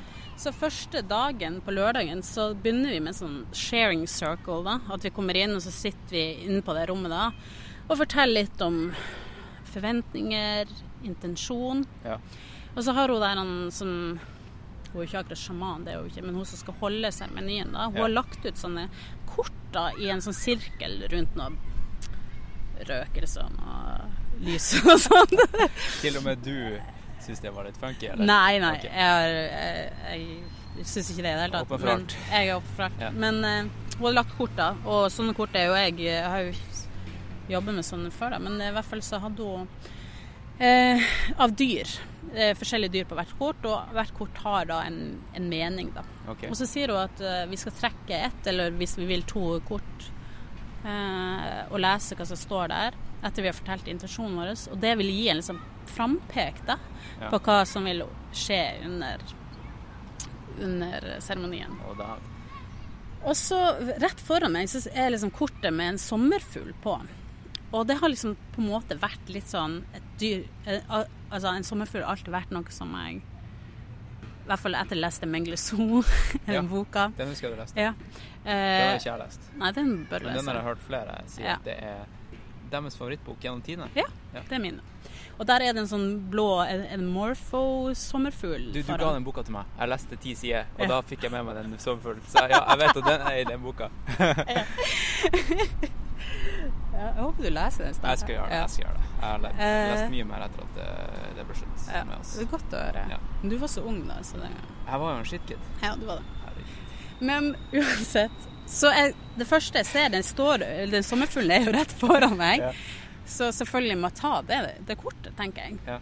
jeg liksom, og det som står basically på baksida, vi har tatt bilde av det Det står da eh, at sommerfuglen eh, symboliserer eh, ny fødsel etter død. Eh, ja, I korte trekk så er det det som står. Okay. Og så står det sånn eh, Øverst står det vel noen stikkord, og der var det 'rebirth', blant annet, og noe lys, og eh, en forbindelse mellom eh, spirituality og liksom earth life-type. Okay. Og så, men så blir jeg litt sånn Å, shit, jeg må, jeg må bare ta et kort til, fordi jeg bare må. Så jeg finner et sånt Because it's there. Ja. Ja. Og for å spice det opp litt. Ja. Ja. Eh, så jeg tar et kort ved siden av. Som jeg, jeg klarer egentlig ikke å se hva det er, men det er første bildet av en sånn vis mann, på en måte. Men når jeg ser på det nærmere, så er det egentlig bilder av masse fugler, da. Ja. Og da står det på nytt, da, 'rebirth'. Eh, og egentlig at det er det de fuglene betyr. Så jeg blir sånn OK. Så jeg prøver liksom egentlig ikke å tenke så veldig mye over det, fordi jeg har jo hørt folk som har opplevd ganske mye i ayahuasca-seremoni, der de opplever da å dø Ja. og da komme tilbake. Og så de andre vennene mine har jo sine kort, så vi tuller nå litt sånn med det. og ja, Så på kvelden så Det er veldig sånn rolig dag. Jo, og så seinere så eh, skal vi ha noe som heter heart dance. Og det er kanskje noe ut av det som folk gruer mest til, for det er ganske kleint. Men det her var før dere hadde tatt Ja, ayahuasca? ja, det er på lørdagen før, da. Så vi skal ta ayahuascaen Ja. på søndags morgen klokka Ja. åtte. skulle den seremonien starte. OK. Eh, så for liksom at alle skulle bli en sånn gruppe og dele og være trygge på hverandre, da, så skulle vi ha noe som heter heart dance. Og det her varte jo i to timer, der vi skulle da danse med hverandre, kanskje én og én, vi skulle gå sammen og alt mulig, mens vi stirra hverandre inn i øynene. Okay. Og det var jo Det er jo så ukomfortabelt for alle å stirre fremmede mennesker i Ja. øynene, og så må du danse til sånn en litt noen sånn klein dans òg, i Det tillegg. her høres ut som sånn her teambuilding exercise Ja. eh, satt på spissen. Satt på spissen. Eh, veldig Kanskje det sånn man burde gjøre som eh, bedrift og sende eh, alle ansatte på ja, ikke, bare, ikke ayahuasca, men denne exercisen her, da. Ja. Men for jeg, om jeg syns det er kleint Jeg liker ikke For det første, jeg liker ikke å danse med fremmede mennesker. Jeg er ikke så glad i å ta i fremmede mennesker, liksom. Jeg er ikke glad i å ta i mennesker generelt. Nei, ikke sant. Ja. Eh, Jeg liker å ta på de som er nærmest. Ja. Men jeg tror jo likevel at vi er så disconnected da, Ja. fra mennesker. Så jeg tror jo at vi har så jævlig godt av det. Og i hvert fall når vi syns det er ubehagelig, så tror jeg at det er sånn tenk på at vi burde gjøre det mer. Ja. For det om det er så kleint, da. ja, jeg merker jo det at bare en klem Ja, er jo dritgodt. ja det er Når det. noen tar deg liksom på skuldra sånn her. Og det, Det er- sier jo Og det ja. sier jo all forskning også, at vi, vi, får, vi produserer gode hormoner når vi får en klem og alt mulig. Nei, så da måtte vi da danse mens vi så hverandre i øynene, og vi skulle liksom ja, Alle sånne kleine øvelser, egentlig. Mm. Men vi, jeg, jeg tenkte sånn Fuck it. Må, eller vi bestemte oss for at bare Ja, vi må jo bare gjøre det. Ja. Og så får det være så painful, sånn cringe inni magen din hele tida likevel. Så det, det gjorde vi. Og altså, på slutten så tenker du ja, vi har blitt litt bedre kjent, på en måte. Ja. Ja. Eh, og så var jeg jo ganske nervøs eh, kvelden før. Og så klokka åtte om morgenen, altså, tidlig om morgenen, så Og da har vi ikke spist noe helt på tolv timer før da. Okay. Eh, så møtes vi for seremoni Ja. eh, på samme rom, og da er det lagt ut av madrasser og spybøtter. Ja.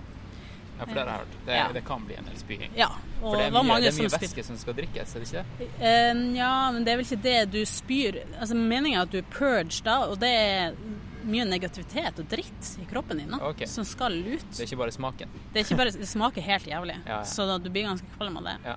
Men eh, det er meninga at du skal spy ut også dritt som du har lagra, på en måte, i systemet. Eh, nå Igjen spydde jeg en ikke. eh, samling Altså en ting som er ganske likt ultraløping. Ja, spyr det ut, Folk kaster opp. Ja. Ja, Hytte og pine.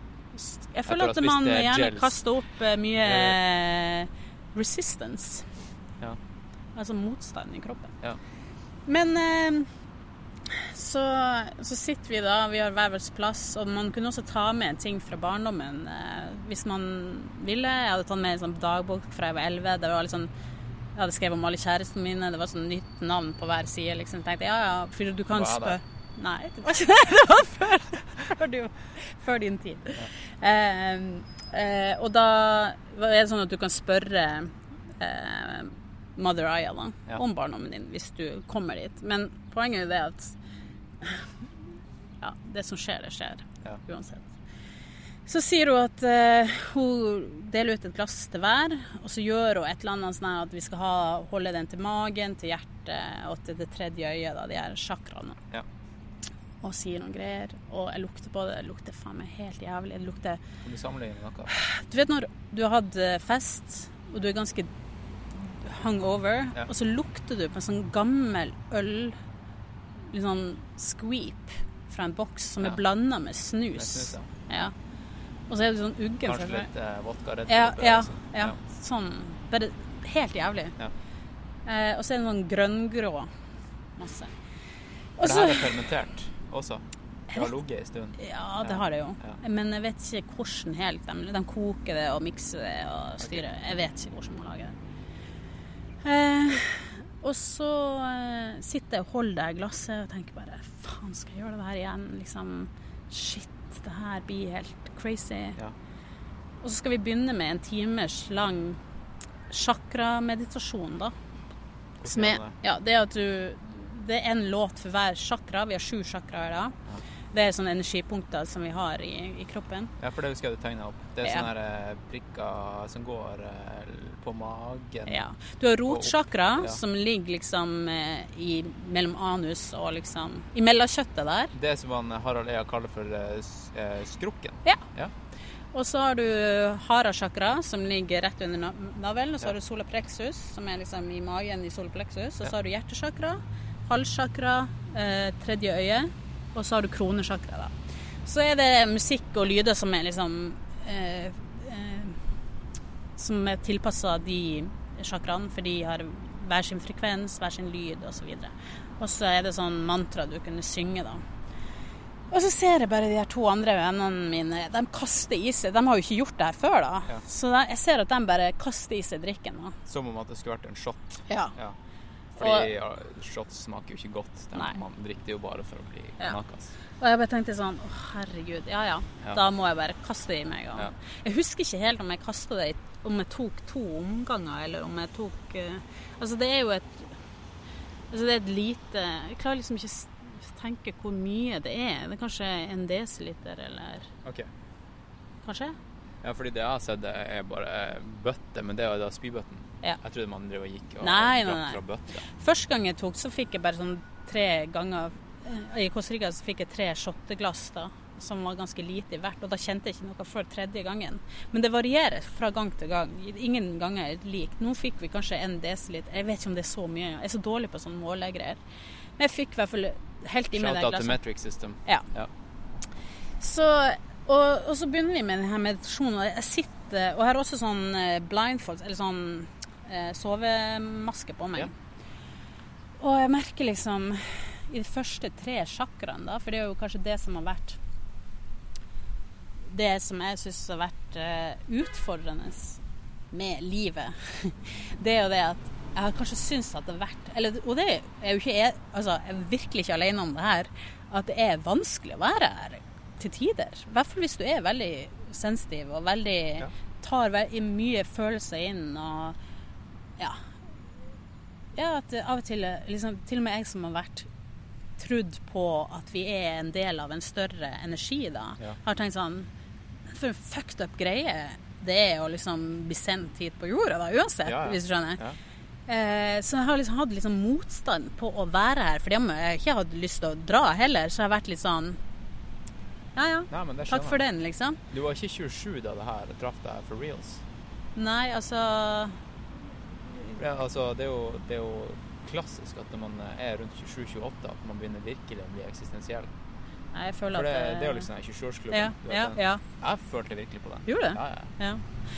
Nei, for meg så var det litt før, da. Men eh, altså de tankene om å liksom være litt I hvert fall når jeg har studert alle de tingene om filosofi, og jeg tror at vi har en sjel. Jeg tror at vi blir født inn i de her kroppene for å ha eh, For å erfare, bare. For å lære ting og skape ting. Og så har jeg liksom tenkt sånn Ja, men det er ganske jeg tidligere da tenkt sånn Ja, men det er ganske kjip ting. da. Folk er redd for å dø, og folk er ikke liksom snille med hverandre, og det er masse lidelse i verden og sånt. at, ja. Så jeg har liksom gått og tenkt på de her tankene. sånn at når jeg skulle gå gjennom denne meditasjonen, så er det de her tre nederste chakraene det er jo de som tilhører jorda mest. da. Ja. Rotsjakra er liksom den som er knytta oss mest mot denne dimensjonen jorda. da. Så jeg kjente at det var Altså, jeg var ganske kvalm. Jeg var rista, liksom. Og eh, ja, var, hadde liksom ubehag gjennom de tre første chakraene. Men ikke samme risting som sist. Nei, og dessuten så har jeg rista så mye Brukt sånne øvelser tidligere, så jeg er ikke redd for risting og sånne ting. Sånn som jeg var første gangen. Ja. Um, men når jeg kommer opp da til halvsjakra og de her øverste sjakraene som er mer sånn komfortabel med, da, um, så, så ble det Jeg Fikk jeg se masse fine ting. Uh, jeg fikk på en måte en sånn forklaring av at uh, at jorda er ja, en, et sted for å skape ja, for du, du har så mye kontrast. Du har lineær tid, du har ting som gjør at eh, ja. Det er en sånn stort, eh, stor plass for å ekspandere da, som menneske. Er det vanskelig å sette ord på det? Ja. Fordi det har jeg hørt flere si også fra andre sånne psykedeliske tripper, da, Mm. er at eh, det, det du tar ut av det, er bare en sånn stor Følelse. dose følelse. Mm. Du kan ikke sette ord på det. Ja, og så er det jo vanskelig for andre å forstå. Ja, sånn at når du begynner å forklare, så tenker du bare sånn Det er ikke vits. Ja, det, det er vanskelig. Og man forventer jo ikke egentlig at andre skal forstå. Men så når jeg er ferdig med den meditasjonen, så tenker jeg liksom åh, åh, kanskje det her er it, liksom. For jeg, rett etter at jeg har tatt det, så tenkte jeg sånn åh, vær forsiktig med meg, liksom. Eh, Jeg vil bare føle meg trygg, da. Det var det som plutselig ble intensjonen min, at jeg vil føle meg trygg her i livet, på en måte. Ja. Eh, og så kommer hun, hun der han, guiden og så spør om jeg skal ha en, en, et glass til.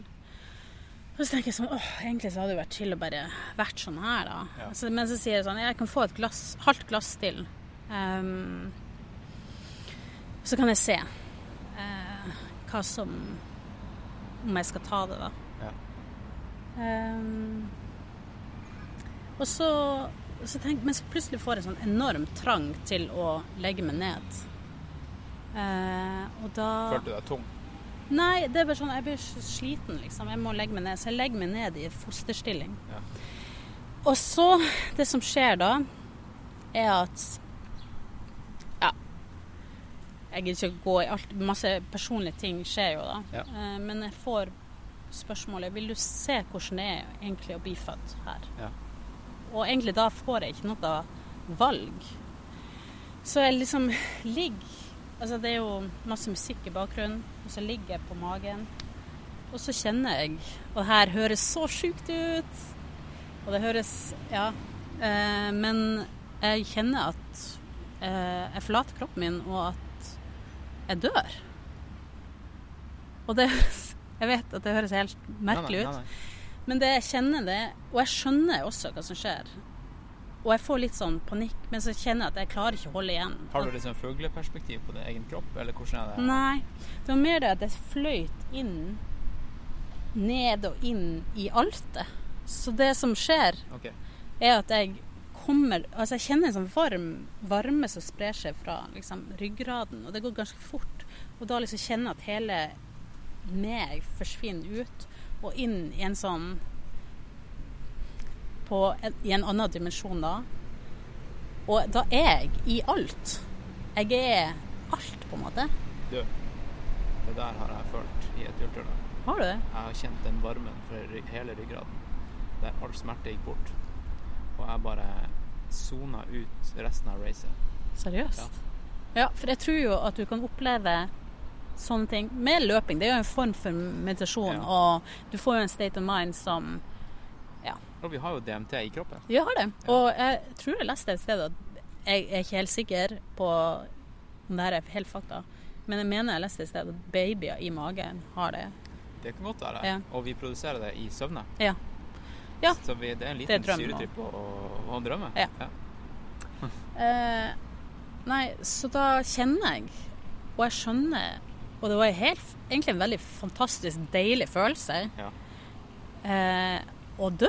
Det var ikke vondt, det var bare Og det var ikke sånn at jeg hadde noen sånn følelse av at det var kjipt å forlate kroppen. Men jeg smelter, og jeg, jeg, jeg ser liksom, jeg hører i hodet mitt liksom den stemninga, den musikken i bakgrunnen. Og jeg forsvinner over i en sånn annen dimensjon, og da kjenner jeg at jeg er, jeg er alt. Energien min og bevisstheten min er i alt, på en måte. Ja. Og der er jo da denne energien, eller Mother Aya, da, er der. Og alt er sånn Jeg kan forklare det som en sånn rød Eller sånn trommel av farger. Det var liksom mest rødt og oransje og grønn som bare Jeg var Det er så vanskelig å forklare, da. I ett med. Og så sier Får jeg egentlig ganske kjapt vite at det her er begynnelsen på døden, da. Også kalt livet. Ja. Livet er jo begynnelsen på døden. Ja. Eller en fortsettelse. Ja. ja alt ettersom. Ja.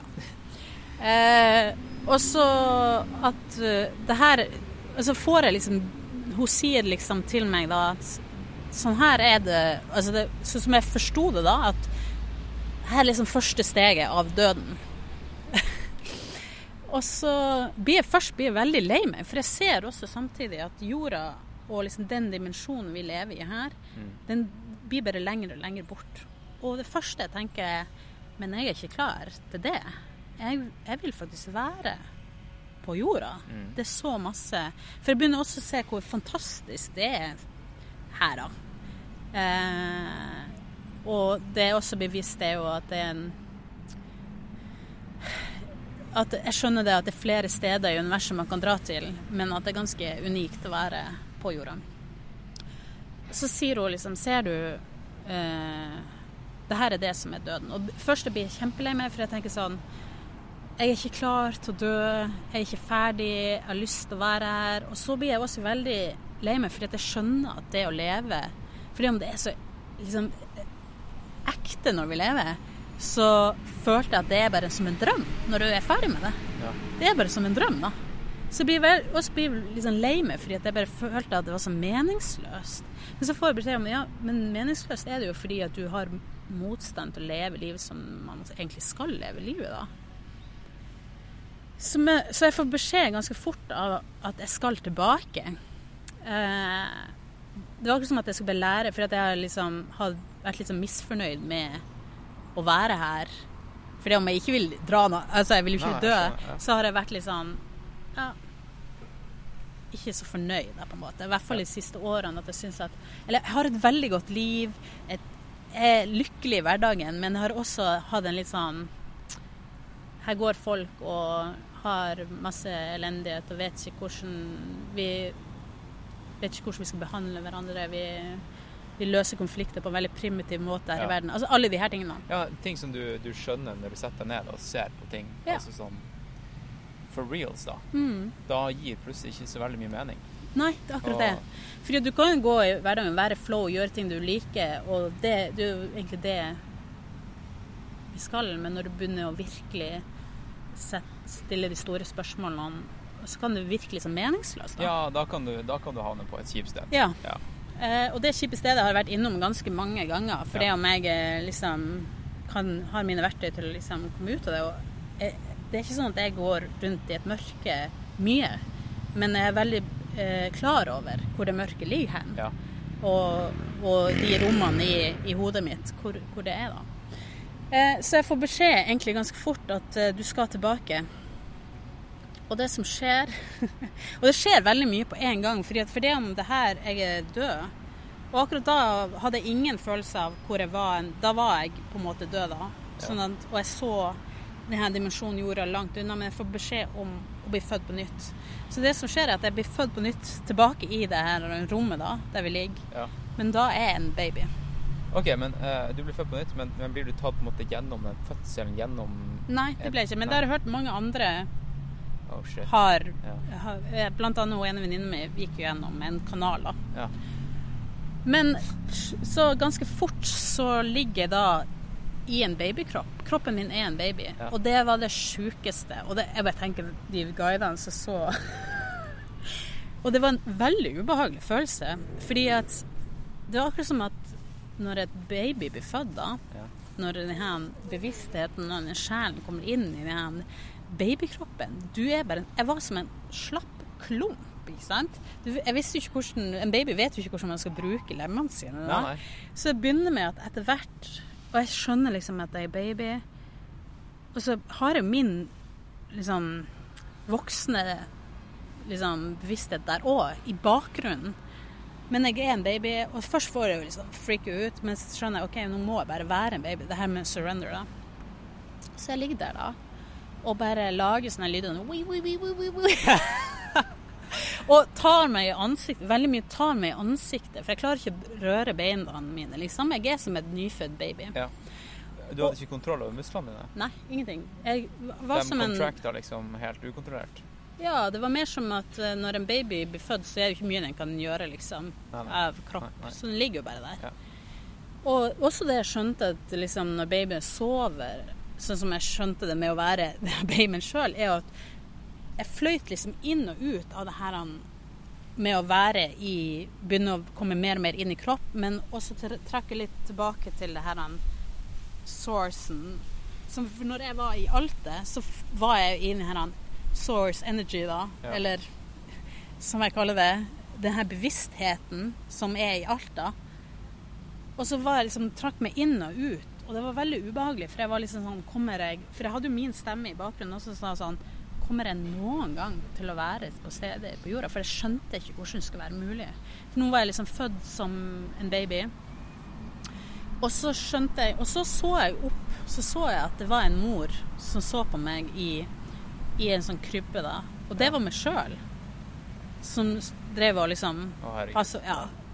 Og jeg er baby, og så begynner hodet mitt å tenke sånn «Åh, OK, vi må speede opp denne prosessen her. Jeg orker ikke å være baby. Og det kan man jo ikke gjøre. Så av og til så fikk jeg I litt hvert sånn fall ikke hvis man er en ordentlig baby. Nei. Nei. Eh, Men og- fikk du det til nå, da? Nei, altså, det var Jeg måtte jo bare vokse opp, da. Sånn at Ja. det Så det tar Jeg vet ikke hvor lang Du mister jo all tid og sted da. Jeg vet ikke hvor lenge det varer det her. Men ehm, Så jeg kjenner etter hvert så det, kan jeg begynne å bevege beina mine, og da er jeg jo som en baby som spreller og, og sånne ting. Ja. må ha helt sjukt ut. Eh, og så husker jeg at når jeg begynner å bli Jeg vet ikke hva jeg kan være da. Kanskje jeg er blitt ett år, da. Så begynner jeg å legge merke til håret mitt. Og det liksom ligger over ansiktet mitt, og jeg syns det er kjempeubehagelig. Jeg bare Å ha hår. å ha hår. Ja. Og det som er liksom morsomt, jeg har jo en datter, og hun har alltid siden hun liksom fikk litt Hvis jeg skulle børste håret hennes eller ordne håret Hun vil ikke gjøre det. Det er veldig mange unge som ikke liker å bli børste håret eller Ja. ordne håret eller jeg vil liksom flette det eller noe sånt. Hun bare nei, ikke rør det. Jeg hata å bli klippet av mora mi da jeg var liten. Ja, ja. Men det var fordi at hun en gang eh, snerta øret mitt. Og slitt med traumer ever since. Ja, Så du tør ikke gå til frisøren? Nei, men eh, da, da ble det veldig sånn Jeg syntes det var så merkelig, så jeg ville bare få det bort. Og, og jeg snakka jo som en jeg bare. Sånn der var jeg, Ja. liksom. Det var skikkelig snålt. Sånn At hun her, hun her som arrangerer de her eh, ayahuasca-greiene. Hun må ha sett mye, mye de har skjedd mye morsomt. Ja. Og det var jo de her guidene, de gikk jo rundt og, og var eh, hjalp. Og det var jo jeg så man, Etter hvert, da, når jeg ble liksom en, kanskje en taler, en sånn to-treåring, så tok jeg av meg denne maska, da. For jeg kjente at det var noe i ansiktet mitt, og jeg bare «Øh, Ta det bort, liksom. og, da ser, og så får jeg jo med meg alt som skjer rundt. Det er folk som spyr, det er folk som hyler og gråter og går gjennom masse drit. da. Ja. Og så er jeg nå en toåring og leker rundt og liksom Samtidig som at jeg, jeg får den følelsen hele tida om at jeg ikke kommer til å dra, komme tilbake helt ordentlig. At jeg, jeg skjønner nå eh, liksom Høres jo dumt ut. Meninga. Men jeg skjønner viktigheten med å, å være til stede på jorda, og hvor fantastisk det var. Og så hadde jeg også den sorgen over at når du dør, at, at liksom det er en drøm, på en måte. Ja. Ja, at hva er en drøm? Nei, at, livet at da livet føler Ja, var en drøm? Eller ja at det, at det nesten kan føles som en drøm. neste state, er det en drøm? Nei, Hva det er- neste state er at du kommer trekkes ut av noe som du tenker sånn Oi, shit, det er nesten som en drøm. Men når jeg Altså, jeg må jo forklare videre, fordi at jeg kommer jo sakte, men sikkert tilbake til jo eldre blir som barn da i denne seremonien, Ja. jo mer blir jeg jo tilpassa eh, jorda, da. Sånn at i begynnelsen når jeg er baby, så er jeg så liksom fram og tilbake imellom jordlig liv og ikke-fysisk liv, da. Ja. Det her høres så sprøtt ut. Men så jeg, jeg Etter hvert så vokser jeg jo opp, på en måte. Jeg vet ikke hvor lang tid det tar, men jeg, jeg kjenner også at jeg er en ganske utålmodig person. Så i bakgrunnen så er jo min stemme da, Alt skjer veldig mye på samme tid. Og de andre sine journeys, altså reiser, det, det kan blandes litt inn. Og du opplever også sånn type sånn interstellar moments, liksom. Okay. Sånn at ting skjer der, og så skjønner du at det har noe med din eh, Jaha, du kan relatere? Ja, og så plutselig ja. så kan du oppleve eh, ting som Eller det du skjønner, da, at lineær tid egentlig eksisterer bare på jorda, da, og at ellers Det er jo bare et alt- konsept. Ja, det er et konsept. Og at ellers så er, skjer allting samtidig Ja. i universet. Ja. Sånn at det vil si at eh, sånn som jeg vet, og en venninne som opplevde noe eh, i En opplevelse av et liv, tidligere liv, da. Ja. Så skjønte hun at noe som skjedde når hun var barn, og noe som skjedde i den seremonien, hadde en påvirkning på det som skjedde i det livet. Det blir veldig abstrakt. Ja, men ja. Nei, men ja. jeg tror jeg skjønner det. Så det som er, jeg, jeg blir veldig sånn utålmodig, og så er det en klokke på veggen, så jeg begynner å liksom se på den klokka, fordi at jeg tenker snart må det jo være ferdig. Jeg er ganske lei av å være den babyen. Jeg vil bare at det skal bli ferdig, at jeg kommer tilbake. Eh, og så plutselig så ser jeg at hun ene guiden går bort, og så tar hun ned klokka fra veggen. Så jeg blir veldig sånn Hei, what are you doing? Det husker jeg roper, liksom. Og jeg, jeg tror, jeg vet, jeg vet ikke om jeg roper det høyt, men jeg roper det Ja. i hvert fall. Og jeg ser at hun tar den bort, liksom. Og så får jeg beskjed på en måte av eh, Mother Aya da. Du er altfor opptatt av tid i livet ditt. Du må slutte å liksom, fokusere på tid. Jeg kan bli stressa av ja, faen, nå er jeg seks år til jeg blir 40, hva har jeg gjort? Og liksom har veldig mange ting jeg har lyst til å gjøre før jeg blir liksom dør, Mm. og jeg kan bli ja, bli stressa av tid, da. Og det har jeg alltid vært, på en måte. Du har jo tidenes gener da, til å leve lenge. Ja, det har har jeg. Du burde ikke stresse. Nei, det er sant. Um, men i hvert fall liksom det å få Jeg er en veldig utålmodig person, og liksom det å Ja, kan bli stressa hvis jeg skal rekke ting. Og, ja. Ja. Så den klokka blir liksom tatt ned, og så får jeg beskjed om du er altfor opphengt av tid i livet ditt. Liksom. Du må Det er en illusjon. Og det vet jeg jo altså, i hodet mitt, men det er jo det at det, altså, det mønsteret der som gjør at man man eh, ikke alltid husker på det. Eh, ja, så blir det da Og jeg går igjennom sånne perioder, akkurat som at når jeg kom i ungdommen, på en måte, så får jeg litt sånn angst da. Eller redd for at jeg skal være alene. Og de guidene er jo med og hjelper. Og får liksom veldig mye Etter hvert, da, som jeg kommer mer i min egen kropp Altså Jeg opplever også at kroppen min blir større og mindre og endrer seg veldig mye underveis. da. Så begynner jeg å stille spørsmål eh, på ting jeg lurer på. Og får jo veldig sånn etter jeg på en måte det jeg mener da opplevde var døden, så blir jeg veldig sånn fascinert over de personene som jeg vet har dødd, da. Eh, og hvordan Ja, at jeg får en sånn følelse av at døden er jo liksom ikke Jeg vet ikke så ille. Men altså, døden er ikke noe farlig. Men det er også viktig å være her på, til stede da, Ja. når man er her. Hva du tror man er redd, eh, redd for med å dø? Er dem Det som dø. er redd. Ja. Jeg tror ikke vi er redd for å være død. Jeg tror det er å selve dø. ja, det tror jeg også. Jeg Mm. tenker litt på det nå mens du har snakka, det der Mm. med døden. Og jeg tror faktisk det bare er liksom Jeg, jeg har ikke lyst til å dø en kjip død. Nei. Fordi det ideelle scenarioet, måten å dø på, det er jo å bli Altså bare bli kjørt ned av en buss uten å vite det. Ja. Og bare bli borte. Jeg tror Det det er er jo- frykten.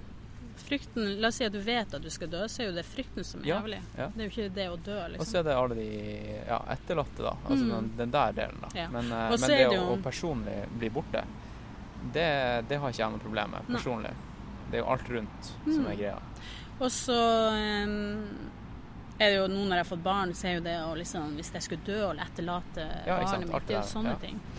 Eh, men eh, det jeg får også beskjed om, er jo at du må ikke ta livet altfor seriøst. For det tror jeg kanskje jeg har, har gjort litt. At jeg har liksom blitt eh, litt for opphengt. Eh, og ja, tatt ting litt for seriøst. At jeg må huske å ha det gøy og leke. Og det, livet handler Og det, det også jeg skjønte, liksom, livet handler faktisk om de små gledene. Og det, det føler jo at jeg har Sånn liksom som den kaffen. Ja, som den kaffen. da. Ja. Og, og, og det føler jeg at jeg har skjønt for lenge siden, men jeg bare skjønte det enda mer nå når jeg liksom ble trukket ut av den dimensjonen. Og så ble Ja. jeg veldig sånn Det handler om Jorda er faen så fantastisk fin, liksom. Vi har fysiske ting. Det finnes ikke i den Når jeg liksom døde, så var jeg i Alter. Det er bare ikke fysisk sted. Men her har vi fysiske ting, og vi har muligheten til å skape ting. Eh, og, og oppleve Ja, ha flotte opplevelser, da. Ja. Eh, og jeg kunne ha snakka masse om det, hvordan vi liksom Det virker som at uh, du er veldig lik meg der, der med dem og, Når man gjør en ting, at man tenker 'nå gjør jeg den tingen', Ja. istedenfor bare å gjøre ting. Ja, Skjønner ja du hva jeg mener? at man er til stede når man gjør det. Ja. Mm. Eh, jeg tror det er veldig mange her på jorda som bare går rundt og gjør ting, Mm. og lar ting skje. Mm. Mens eh, så er det noen som er observatører, og Mm. når de tar del i ting, så vet de at de gjør det. Ja, helt enig. Ja. Og det var det som var så sykt. Ja, det Og det var ikke for å høres ut som en eh, bedreviter. Det var Nei. bare sånn Jeg tror det er det er så artig å si det er to typer mennesker i verden. Den som sprunger maraton, den som ikke sprunger maraton. Nei, men, men altså, det er jo et perspektiv da, som du har, og det, liksom, jeg er jo egentlig enig i det. At eh, noen er til stede i det man gjør, noen bare ja. Ja, og jeg så har- tror man dropper inn og ut det av det betyr ikke at man har det bedre på jorda. Nei, fordi jeg tror ikke. dem som bare gjør ting, det er jo dem som er truffet av den her eh, ignorance is bliss-genet. Ja. Og jeg unner dem Det er altså. ganske behagelig, det. Det altså. er behagelig. Mm. Ja. Og det skulle jeg mange ganger ønske at jeg ikke var en sånn person som skulle sånn, tenke så jævlig mye på eksistensielle altså, sånne spørsmål. Da, Ja, det gjør jo at man får en del highs og lows, da. Ja, man gjør det. Men- Men, det blir mer spennende, selvfølgelig. Ja, det er kontraster. og de haiene. Ja, de haiene er så mye Hai, hai. Men eh, ja. Men i hvert fall så får jeg liksom beskjed om at jeg ikke skal ta livet så innmari seriøst, og at det er veldig eh, At vi er her for å skape. Vi er her faktisk for å eh, Altså kjærlighet er det som faktisk driver oss. Ja. Eh, og eh, ja. Også det at det som er Når jeg liksom så jorda, alt den Når jeg forsvant ut i der altet da, og liksom døde, så skjønte jeg også hvor Herregud, hvor Altså alt det der med liksom, Trump og krig og alt mulig. Alt ble bare så banalt. Ja. Jeg følte da at vi virkelig var som sånne apekatter i bur som virkelig ikke skjønner noe, da. Um, så alt ble veldig sånn banalt, At vi virkelig ikke fokuserer på de riktige tingene. da. Ja. Uh, at livet handler om det å være Om kjærlighet. Det handler om å vokse som menneske. Det handler om å være ja, ut, utforske og ja. Så, og de små ting, da. Men ja. så jeg får liksom spurt masse underveis. Eh, og så var det så rart, fordi at plutselig så blir jeg visst det sånn McDonald's Du vet sånn hus på veien der du kan kjøpe McDonald's? Ja, sånn drive-through. Ja. Ja. Og en sånn Coca-Cola-tegn. Så jeg tenkte liksom en gang så bare Å, shit. Jeg må, når jeg kommer ut der, så skal jeg drikke Coca-Cola. Det, det må jeg gjøre, liksom. Det er så jolig ting å gjøre. Jeg må, jeg må gjøre sånne ting som Jeg drikker jo cola til vanlig, men det var veldig sånn Jeg så det bildet så tydelig da. McDonald's og cola. Jeg hadde ikke lyst på McDonald's, men det var veldig sånn at det så sånn Coca-Cola-skilt. Jeg bare Å, jeg skal drikke cola. Det kommer jeg tilbake til hvorfor jeg så det. Men eh, andre ting var liksom at jeg også kjente at på et tidspunkt når jeg, jeg var baby, var at jeg også sparka til han andre som lå attmed meg. Plutselig så kjenner jeg at jeg sparker han, eller, og så sier han au. Og så sparker jeg en gang til. Au. Så tenker jeg her er så nært den personen som liksom ligger attmed meg? Ja. Men når jeg liksom kommer til meg selv, skjønner jeg at jeg har no way vært borti han da. Fordi at han ligger såpass langt unna. Oi. Men at i en sånn state da, så er vi mer enn hva vår fysiske kropp. Så jeg spurte han etterpå, jeg ble sparka i deg. Men han sa nei. Men det jeg opplevde i min reise da, var synkronisert med at jeg sparka han Kødder du? ja, og det var noe han skulle gå gjennom i sin reise da. Og jeg trodde jo, jeg bare skjønte jo ingenting, fordi at jeg det var så stor, Du hadde ganske stor plass rundt deg til neste person, da. Så jeg bare Her er krøppet som en baby helt bort til han, eller hva som skjer da? Det var helt sjukt. Men uh, det hadde jeg ikke. Jeg var bare sparka han i ørene, liksom. så det var ganske sykt. Men- det var Altså, jeg får jo også spurt uh, masse, og jeg får også liksom på en måte kommunisert med en familiemedlem som er død. Ja. Som jeg liksom var sånn Som jeg skjønte sånn Jeg bare Hvor du er hen? Så bare Jeg er i alt. Var det, var det en fin opplevelse? Ja. Har du eh, kommunisert med vedkommende før? Ja. Mm. Jeg tror jeg vet hvem det er. ja. Eh, for jeg var veldig sånn Ja, men jeg savner deg jo som, som fysisk. Som bare Men det var jo bare kropp. Det var også det jeg lærte. Vi overidentifiserer oss med kroppen altfor mye. Det er Kropp er kropp. Kropp er kropp. Ja. Og, herregud, og spesielt vi kvinner og jenter som får så mye kroppspress og hvordan vi skal se ut. In the end of the day. Ja. Det, Det det er huset ditt, liksom. Ja, det spiller så liten It's your rolle. meat. Ja, det er det. Eh, og det var det du må også. behandle den bra, da. Ja, Men, men, det må eh, man gjøre. Selvfølgelig skal man behandle den bra. Men det er også veldig sånn her Slutt å overidentifisere med kroppen. Det, det er bare noe som huser din bevissthet. da. Det er noen ting du kan påvirke, og så har du blitt født med, med resten. Og Ja. ja. Men i hvert fall så, så det her Når han, sa, han som har vært død, sa at jeg er i Alte, så sa jeg ja, han bare jeg er i og Det her høres jo litt sånn Men har du sett den filmen 'Lucy'? Hva det er slags Det er med eh, Scarlett Johansson, og der hun liksom tar så masse drugs eller noe sånt, og så til slutt så forsvinner hun i Alte, på en måte. Nei, den har ikke jeg sett. Nei. Men det, det er litt sånn jeg tenkte på at han, han sa liksom jeg, jeg er Og det var jo det jeg opplevde når jeg sjøl døde, da, var jo at jeg var i all energi, da. Ja. At når du forlater, så som, så forsvinner energien din i alt. Og det var ikke sånn at jeg var jeg hadde ikke noe sorg over kroppen min i det hele tatt når jeg liksom opplevde å dø. i Det hele. Det var bare sånn Bevisstheten min gikk videre, på en måte. Og så spurte jeg er det sånn at jeg kan dra andre steder. Kan jeg dra tilbake? Så fikk jeg bare beskjed ja, det kan du hvis du vil. I en ny kropp, da. Og det, jeg har jo lest i ettertid da, om andre som har liksom hatt sånn near death experience og sånt. Ja. Der de har opplevd akkurat det samme da med å være i der altet. Eh, og vært en, energien Du var bare energi i Men bevisstheten din er der, liksom. Og at du- også noen har fått eh, tilbud om å liksom bli født på ny i en annen kropp, da. Mm. Eh, og så jeg fikk, altså jeg føler jo at jeg fikk så masse informasjon om det òg, hvorfor man velger å bli født inn i, i fysisk kropp, på en måte. Hvis du fikk velge nå, da, eh, å bli født på ny i en annen kropp, en annen Nei. spesiell kropp du kunne an, annen enn din egen? Nei. Nei. det om jeg liksom, som alle andre jenter hadde hatt problemer med å forholde meg til min egen kropp, så det er akkurat som jeg fikk sånn I hvert fall etter det der at jeg sånn, satt pris Jeg vil ikke være noen andre. For jeg, det er jo også det etter de siste fem årene at jeg opplevde de tingene som har gjort at jeg har fått posttraumatisk stress. og sånn, at det, det gikk veldig mye ut av selvfølelsen min. Ja. Eh? Min egen verdi, da.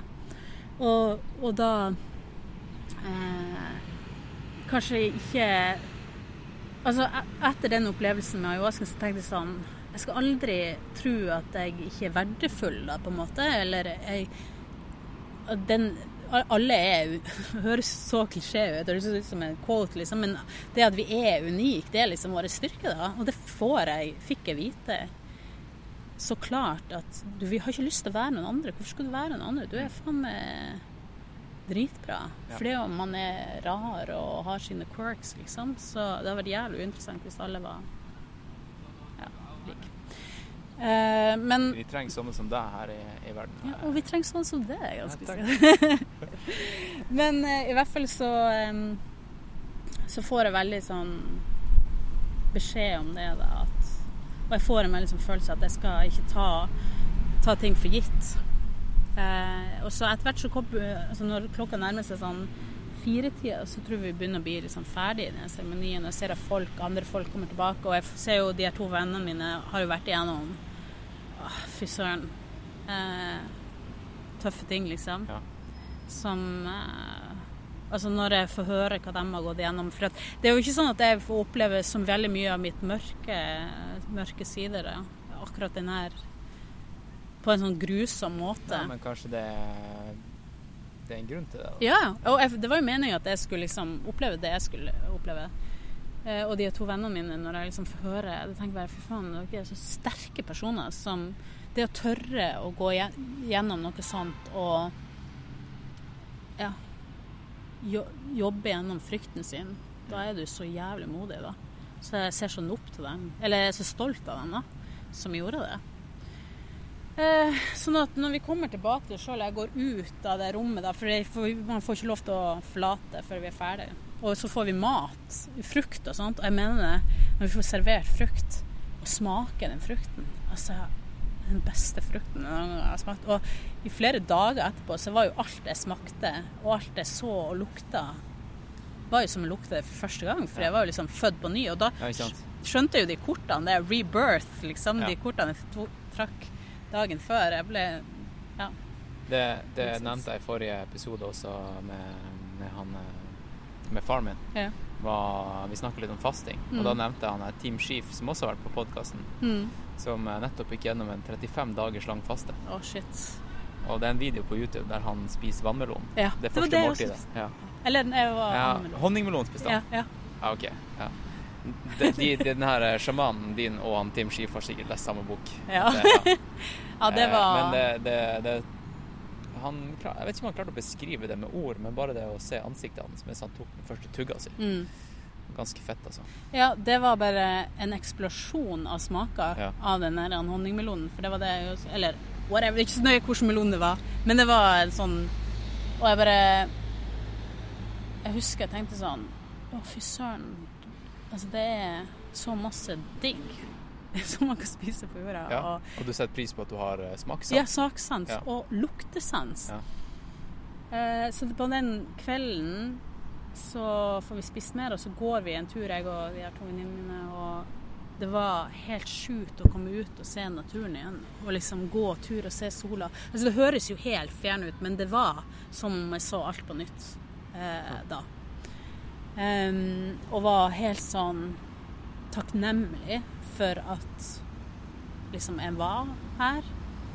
Og at eh, Ja, for det var også det jeg på en måte gjorde en sånn pakt da, Eller sånn Jeg ble enig med Mother Aya underveis. Det var at nå, skal jeg, nå når jeg har sett hvor fort livet kan liksom gå over, og når du trekkes ut av det, hvor fantastisk jorda er, og det kan føles som en drøm, så skal jeg, nå skal jeg være her fullt og helt da, Ja.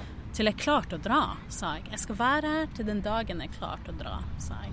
Og da ble vi på en måte enige om det, og hva, hva det vil si. Det kan Altså, jeg tror jo at sjelen drar når den skal dra uansett. Det var en handshake mellom deg, mellom deg og Altet. Ja. Ja.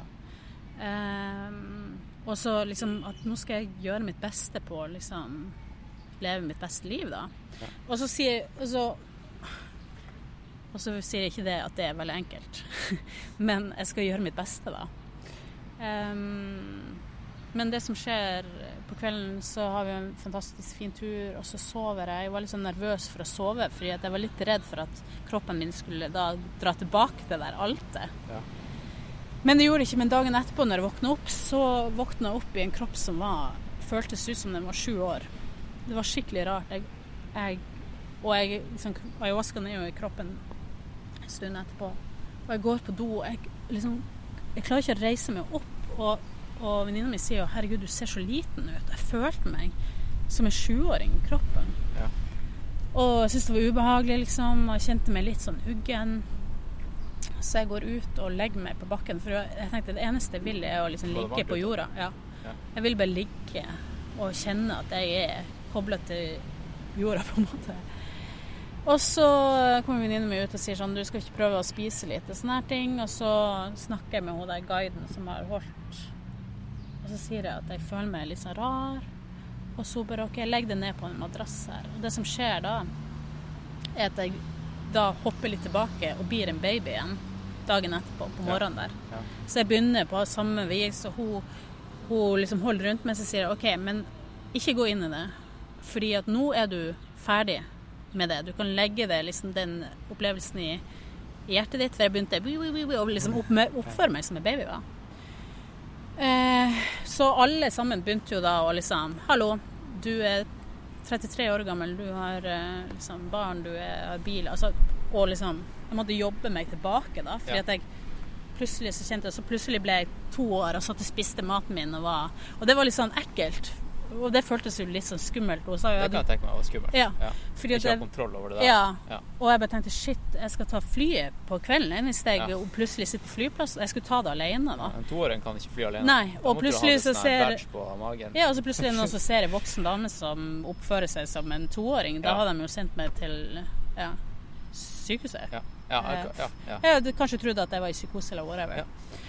Men, men samtidig som jeg syns det er skummelt, så føler jeg at jeg har såpass mye kontroll over hodet mitt da, at jeg tenkte sånn OK, så jeg jobba ganske Vi var flere som jobba, og jeg måtte liksom klemme på beina mine for å liksom kjenne at nå er jeg her, jeg er her, jeg er her. Ja. Eh, så jeg kommer liksom ned, og så skal vi eh, Før vi skal reise hjem, da og ene venninna mi skulle til et annet sted i Norge, og andre skulle til København. Sånn at jeg skulle reise alene. Men vi skulle dra til en av en av guidene og være der fram til vi skulle dra. For jeg hadde ikke lyst til å dra inn til Amsterdam, fordi alt var så intenst. Ikke sant? Jeg hadde, alt føltes så mye, og det lukta så mye, og var ikke sant, på en måte født på ny. Så, og jeg sleit Oversensitiv. Ja. og jeg sleit jo også med Eller måtte jo fokusere på at jeg var voksen og, og liksom kvinne, da. Så vi pakker tingene våre og kjører da. Skal kjøre til eh, et sted eh, der hun bor, og være der. Eh, og det som er så sjukt, er at hun på veien sier sånn Jeg må bare stoppe et sted, for jeg er nødt til å ta en Skype-samtale. Ja. Jeg har et møte som jeg er nødt til å ta. Så hun stopper da på, på med en sånn havn da, og kjører inn på parkeringsplassen. Men når jeg kommer ut derfra, så ser jeg den McDonald'sen som jeg hadde sett Nei, under ayahuasca-seremonien. Og det skiltet der det står Coca-Cola. Ja. Og jeg bare Hæ? Det er jo det, da. Og så sier jeg til venninna jeg bare Jeg må drikke cola. Jeg må dra og kjøpe cola. Så vi går og kjøper cola. Og etter jeg kjøpte den colaen og drakk den colaen, så smakte det faktisk ikke så godt som jeg Det var sånn dispensercola, liksom. Så jeg var litt skuffa på smaken. Men det var akkurat som at det hjalp meg til å være til stede på jorda, hvis du skjønner. At det var så det var sånn jolig ting å drikke. Sånn at når jeg drakk det, så klarte jeg å være mer til stede. Hmm. Og det fikk jeg jo på en måte se i ayahuascaen kvelden før. Nei, dagen før. Funky opplevelse. Ja, Så det var veldig sånn Podkasten er ikke sponsa av Coca-Cola. Eh, Nei, og det er ikke sånn at jeg er jo ikke noe for Coca-Cola sånn generelt. eh, Det er jo ikke sunt, holdt jeg på å si. Men drikk den colaen og føler meg umiddelbart mye bedre. Eh, og når jeg skal Vi drar på flyplassen, og alt er liksom nytt. Det er jo bare helt sånn alt av farger og liksom, Jeg har jo fortsatt ayahuascaen i meg, så jeg er jo liksom Ja. Drunk on it enda. Liksom, det er ikke helt ute av meg. Men jeg er ikke helt Altså, jeg er vanlig, men alt er Altså, føler Du alltid får litt fortsatt ekstra. en bitte liten buzz. Ja, så Ja. når jeg satt meg på toget til flyet, så kjenner jeg bare at det er en stoff i stolen. Jeg bare tenkte sånn Kjenn på det stoffet her, liksom. Men det er også så at folk som kom inn på toget og satt med mobilen sin, så bare så jeg alle menneskene som ikke er til stede i Ja, livet sitt. zombiene. Ja. Ja, Det var som å se zombier gå rundt, Ja. altså. Det var helt sjukt. Det ble så det. Ja, det var så tydelig da at jeg bare Det var nesten litt sånn ekkelt. At akkurat, akkurat som alle sov lite Grann. Ja. Du, det, sånn er verden nå. Ja, den er dessverre sånn. Jeg, ja, jeg er redd. Ja. Jeg bare gleder meg til bra. neste innovasjon som gjør at vi ikke ser ut som zombier. Ja. Men vi kan fortsatt Det kommer jo ikke til å vare. Jeg tror ikke det, altså. Nei. Men i hvert fall så kommer jeg meg nå hjem. Eh, Jeg er, ve er veldig sånn når jeg flyr Jeg, er, jeg tenker liksom alle ett, alle mennesker er vakre. Og det er sånne ungdommer som har vært på, eh, på fest i Amsterdam, som sitter oppe med flyet, og alle de er slitne og sover. Og jeg syns de er kjempesøte for at de er 19-20 år og trenger litt ekstra hvile. Og, og og med flyvertinne der som er så sprudlende glad, og, og liksom jeg, jeg prater med og sånt. Og når jeg drar Nå er jeg en av de siste som gikk ut av flyet, heldigvis. For jeg gir henne en klem, liksom. Skjønner du? Ja, Helt. ja. Jeg bare Å, herregud. Eh, så de neste dagene Jeg blir så flau. Ja, hun har sikkert aldri fått en klem. Nei, hun bare wow! Jeg bare Ja. Å, alle er så fine. Så jeg Men jeg hadde avtalt med to venninner, fordi kjæresten min og datteren min var ikke hjemme eh, akkurat da. Så jeg hadde avtalt med to venninner å møte meg, fordi det var jo fortsatt sånn Shit, her kan jo hende jeg trenger hjelp. Ja, Jeg vet ja. ikke. Så de eh, kommer hjem til meg og liksom hjelper meg å Hvis det speiser litt ut. Ja. Uh, og jeg husker jeg liksom tar en tyggis for første gang, liksom. Og jeg tror fasting har noe med det å gjøre også. At når du har fasta i noen dager, og så Ja, ja, ayahuascaen og alt mulig, ja. alt smaker veldig. Og jeg bare Å, herregud, den tyggisen er helt sykt god da. Og ja, ja, Ja, for du tygger fortsatt tyggis. Jeg husker det. Du var glad i tyggis. men jeg tygger så mye hva det heter? Sølvekstra. Sølvekstra var greia. Ja. Eh, men ikke så mye som før. Nei. Jeg hadde perioder der jeg slutta helt. Det er en addiction. Det er det. Men i hvert fall så eh, dagen etterpå jeg er ikke ferdig, skjønner du, så er det jo en venninne mi der. Og da skal ayahuascaen forlate meg, så jeg ligger jo på gulvet der og kaster opp. Men ikke mat, da, men jeg kaster opp, og jeg ja, går gjennom eh, tre timer med ganske heftige greier. Og det kommer opp nye ting, sånne traumer som jeg må gå gjennom, da. Ok, Så ayahuasca-seremonien er egentlig ikke ferdig før De andre venninnene mine var Eller nei, det, nei de hadde noen eh, I hvert fall hun ene måtte gjennom noen runder etterpå. Men det er en integrering, og det spørs jo også hvilken opplevelse du har. da. Men jeg var ikke ferdig. Eh, og heldigvis har en fantastisk venninne, og de hjalp meg. Hun ene som på den tirsdagsmorgenen der, som bare satt og hjalp meg gjennom de der timene der. For det var ganske Det kom opp ting som ja, på en måte har liksom oversett, men, men gjorde alt ferdig. da, At OK, det måtte jeg gjennom før jeg var Og da var det akkurat som jeg så at denne planten trakk seg ut av meg, da, på en måte. Men jeg Ja, var men det, det jeg mente, altså den- seremonien, den, eh, den Det tar både fysisk og mentalt Ja. mye lengre tid enn bare den der dagen som Ja. man setter av. Sant? Absolutt, og jeg tror det er kjempeviktig å, å, å vite at det, det å integrere det Du kan ikke drive på å ta ayahuasca hver måned og tro at livet ditt skal bli bedre, for du, du skal Nei. integrere det, du skal liksom se Ja, Det handler om å bli et bedre menneske, det Ja. handler ikke om å få en syretripp. sant? akkurat. Ja. Så Sånn skal vi, eh, skal vi gå bort Ja. eh, mot Torshov igjen? Det kan vi gjøre. Nå kan jeg si til lytterne at vi har sittet på en, en benk i, eh, på Sagene. Det er jo dritfint vær nå. Det det. Helt eksemplarisk. Men det jeg skulle si var at eh, jeg var jo ganske dårlig hver morgen i ei og halv uke nesten. Ja. Eh, kvalm, eh, sleit med å få i meg mat. Akkurat som at jeg var skikkelig fyllesyk, men eh, stein, liksom. Eh, fjern eh, på samme tid. Og, og de ga seg ikke før jeg fikk ordentlig mat i seg, meg og, og, og ja, blodsukkeret gikk opp, da. Men plutselig etter en og en uke så var det ferdig. Eh, men det tror jeg også hadde en sånn Jeg var jo hos legen, da, for jeg følte at jeg måtte sjekke om Ja. allting var bra. Men da sa de at jeg hadde et lite virus, og de sa at eh, det mest sannsynligvis hadde gjort at jeg var litt dårligere. Ah, OK, så det var en kombo, da. Ja, Så det var en kombo. Jeg hadde fått et ikke- virus. Viruset som heter Pachamama. Nei, Nei. absolutt ikke. Sånn at jeg var litt sånn dårlig og dårlig i magen og, Ja, og sånne ting. Men, eh, men eh, ja, det gikk over. Eh, fordi jeg tenkte da De første dagen tenkte jeg jeg skal aldri gjøre det her igjen. Fordi at det er så Altså det er så ekstremt, da, det du opplever. Og det er så Det er jo ja, sjelesettende, da Ja. det er ikke noe å kødde med. Men jo mer nå, etter dagene har gått, jo mer har jo egoet, da, det her som forbinder oss med, med jorda, på en måte, kommet mer og mer tilbake. Sånn at nå virker alt sånn Kanskje blir å gjøre det igjen om fem-ti år. Ja, ikke sant. Jeg har Eh. hørt at du, du kan ikke Du burde ikke gjøre det her mer enn en gang i året. Nei. Og det, Det- finnes noen som gjør det oftere, og det ikke, jeg er veldig imot det, altså. Jeg hører på en podkast med en som heter Duncan Trussell. Ja. Han er standup-komiker, men eh, ganske så out there når det kommer til eh, psykedelia og sånt. Ja. Eh, og han, eh, han fortalte noe eh, i en podkast for et par episoder siden at det var Siden han nå er veldig pro ayahuasca, Ja. ikke sant. Um, han snakka mye, mye bra om det. Og så var det ei mor til en sønn som kom bort til han etter et show Mm. og, um, og sa Du har fått uh, Du har drept sønnen min. Ja.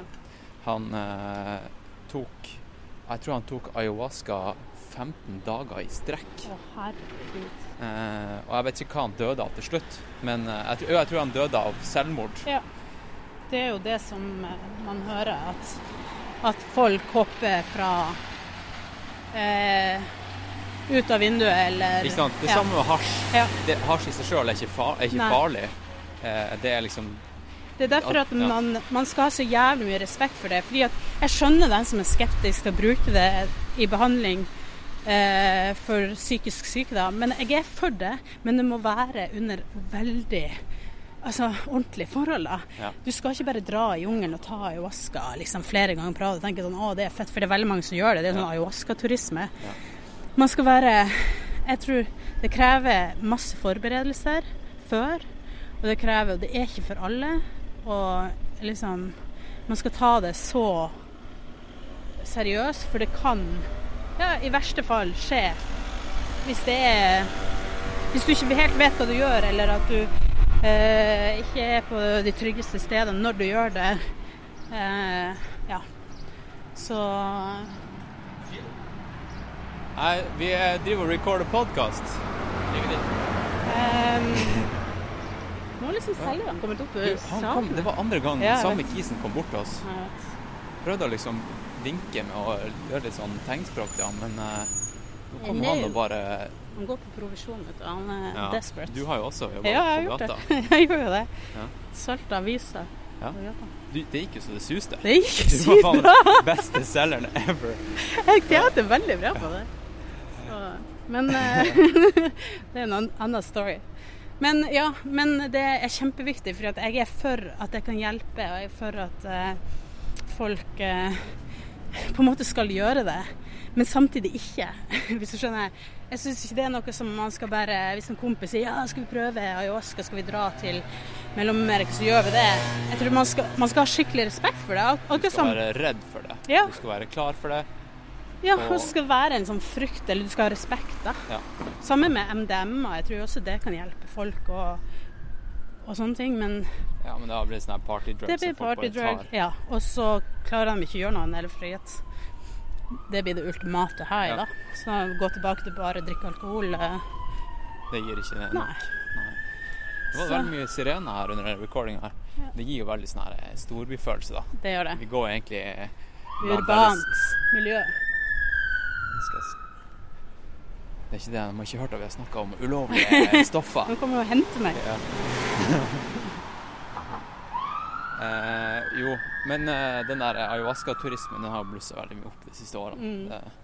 Litt funky. Jeg vet ikke helt eh, hva jeg syns om det. Det er jo eh, veldig mange useriøse sjamaner der ute som Ja. Ja, eller sånne guider, da. Jeg hører jo at eh, Jeg så en sånn eh, dokumentar om en som starta et sånn retreat i Costa Rica, som jeg jeg har hørt bare bra om, da. At folk tar liksom Det er vanlig å ta liksom fire ayahuasca-seremonier på rad. Og jeg tror Shit. ja, altså, og folk sier at det går bra, sant? men det er jo også forberedelser og sånne ting. Men jeg klarer ikke Altså etter min forrige gang, var det ikke sånn at jeg tenkte ja, nå tar jeg en runde til. Det var såpass heftig at jeg tenkte sånn Her må jeg ha en pause fra. Også det jeg merka når jeg kom, har kommet mer og mer til meg sjøl, da. Så har jo også de her tankene som separerer oss fra hverandre, da, kommet også, ikke sant. For det kommer med å være her. Det er egoet som sier at du er du og jeg er jeg, da. At vi ikke er alle er. Du skjønner? Ja. Det her som kan dømme andre og, og sånne ting. Det er jo så interessant å se liksom hvordan for hver dag så gikk det fra liksom, å, alle er vakre, alle er spesielle og sånt, og så bare kom sarkasmen min litt tilbake. Ja, og så kom liksom ja, separasjon. Typisk Nå Når har du reist, f.eks., Ja. i, i liksom fattige strøk, Mm. så plutselig så skjønner du hvor jævla privilegert vi er i Norge. ikke sant? Mm. Og så tenker du når jeg kommer hjem, så skal jeg Ja, sette pris på virkelig sette pris på Mm. de småtingene. og alt liksom vi har et velferdssamfunn og Ja. eh, Det er sånne ting. Men, men det går over ganske fort. Ja, det krever i hvert fall Det er det jeg mener at nå når man har vært eh, opplevd de her tingene, så er det kjempeviktig da at man kan la det være som en enkeltopplevelse og gå videre med livet, men hva er vitsen da? Ikke sant? Du er nødt til å integrere det. Det er derfor veldig mange som har Jeg har jo møtt folk som har Ja, det er min 15. gang jeg tar eh, ayahuasca. Så tenker jeg sånn Ja ja, OK, så kanskje har de ikke så dyp opplevelse hver gang. Men hvis du da går resten av livet og ikke ser på, på tankemønstrene dine, ser på Gjøre den integreringen. For hvordan OK, nå har jeg lært de tingene. Hvordan skal jeg eh, ta det med i hverdagen min, da? Jeg vet f.eks. at jeg er nødt til å ha mine rutiner på å meditere hver dag. Eh, ha en god balanse mellom aktivitet og hvile. Alle de her tingene blir mer og mer viktig. Være klar over tankemønstrene mine når jeg snakker ut ifra ego. Ikke det at vi skal liksom kvitte oss helt med, med egoet og hvordan den tenker, men å liksom være mer bevisst da på hvorfor OK, men hvis jeg syns det om den personen, det er det mest sannsynligvis noe inni meg som jeg trenger å jobbe med. Det handler ikke om de andre, da. Ja. Og det å snu seg mot seg sjøl istedenfor å skylde på andre eller ja, dømme andre. Begynne med seg sjøl. The man in the mirror, som Michael Jackson det er det jeg tror, da. uh, ja. Faen. Det, det tror jeg var en eh, veldig bra sånn avrunding på den eh, samtalen her. Nå er vi jo snart med der vi starta, ja. Med- Med Bensebrua. med Bensebrua. Uh, og så tror jeg at uh, Ja, skal vi ikke bare avslutte her, så får vi litt sånn her eh, smalltalk uh, etter at jeg har trykka på stopp. Ja, det høres eh, ja. ja, nå har jeg bare skravla i ett, så jeg håper det har Ja, nei, men eh, vi har jo toucha bortom eh, hovedting. Det var jo ayahuasca. Og det er jo mye mer altså Det er så sykt mye digresjoner og sidespor vi kan ta. Ja. Mm, Men, men men eh, det, det som er kult nå, da, er jo at uh, alle mine lyttere som f.eks. Jeg tror at hoved, hovedsegmentet er, er løpere. Ja. Av en eller annen grunn så har det blitt løpere. Uh, og det er sikkert, jeg vil tippe, 80% av de, de løperne visste ikke hva ayahuasca var Nei. før de hørte denne episoden her. Men nå ble de litt nysgjerrig. Ja. Og um, det jeg kan si da, er at uh, jeg har ikke tatt ayahuasca, men jeg tror dere klarer dere fint med å bare springe ultraløp. Absolutt. Jeg var vitne til tidenes, tidenes ayahuasca-trip nå i helga med han Johannes. Ja. Jeg tror du kan gjøre masse ting før du trenger å ta Selvfølgelig er du nysgjerrig person, og du føler deg veldig kalla, og du føler at det her er noe du skal gjøre, så gjør det. Men gjør all forarbeid og og research. Ja, vit hvorfor. Eh, ta et bevisst valg.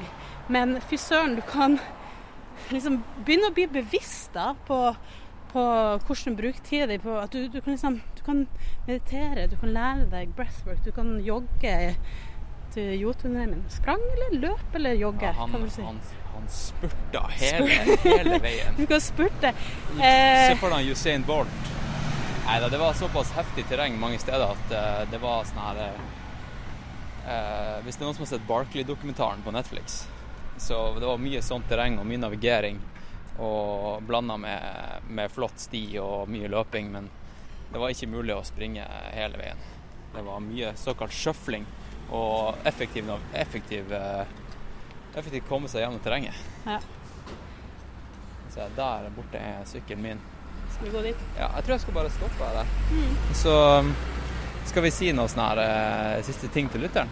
Har du noe, har du noe eh, livs... Eh, noe mantra eller noe du, du Å, lever, lever etter? Levesett? En setning eller noe Åh. sånt? Det er noe skikkelig press. Han eh, Mats, eh, som har vært på podkasten et par ganger, han sa en gang eh, da jeg spurte han om det samme, så sa han Husk tanntråd. Husk tanntråd, ja. Ja. Så det trenger ikke være noe Nei, men det jeg skulle ønske folk gjorde mer av, da, Ja.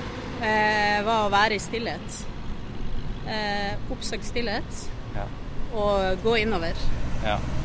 Og da spør du meg, så um, er det det samme som å be folk om å komme seg ut på stien, Ja.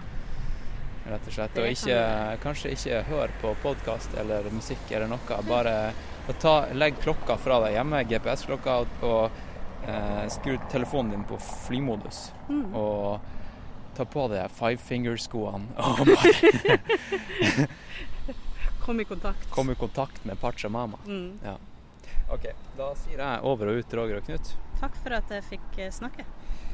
Det var eh, Pleasure is mine. Vi snakkes da, lytter. Ha, ha det.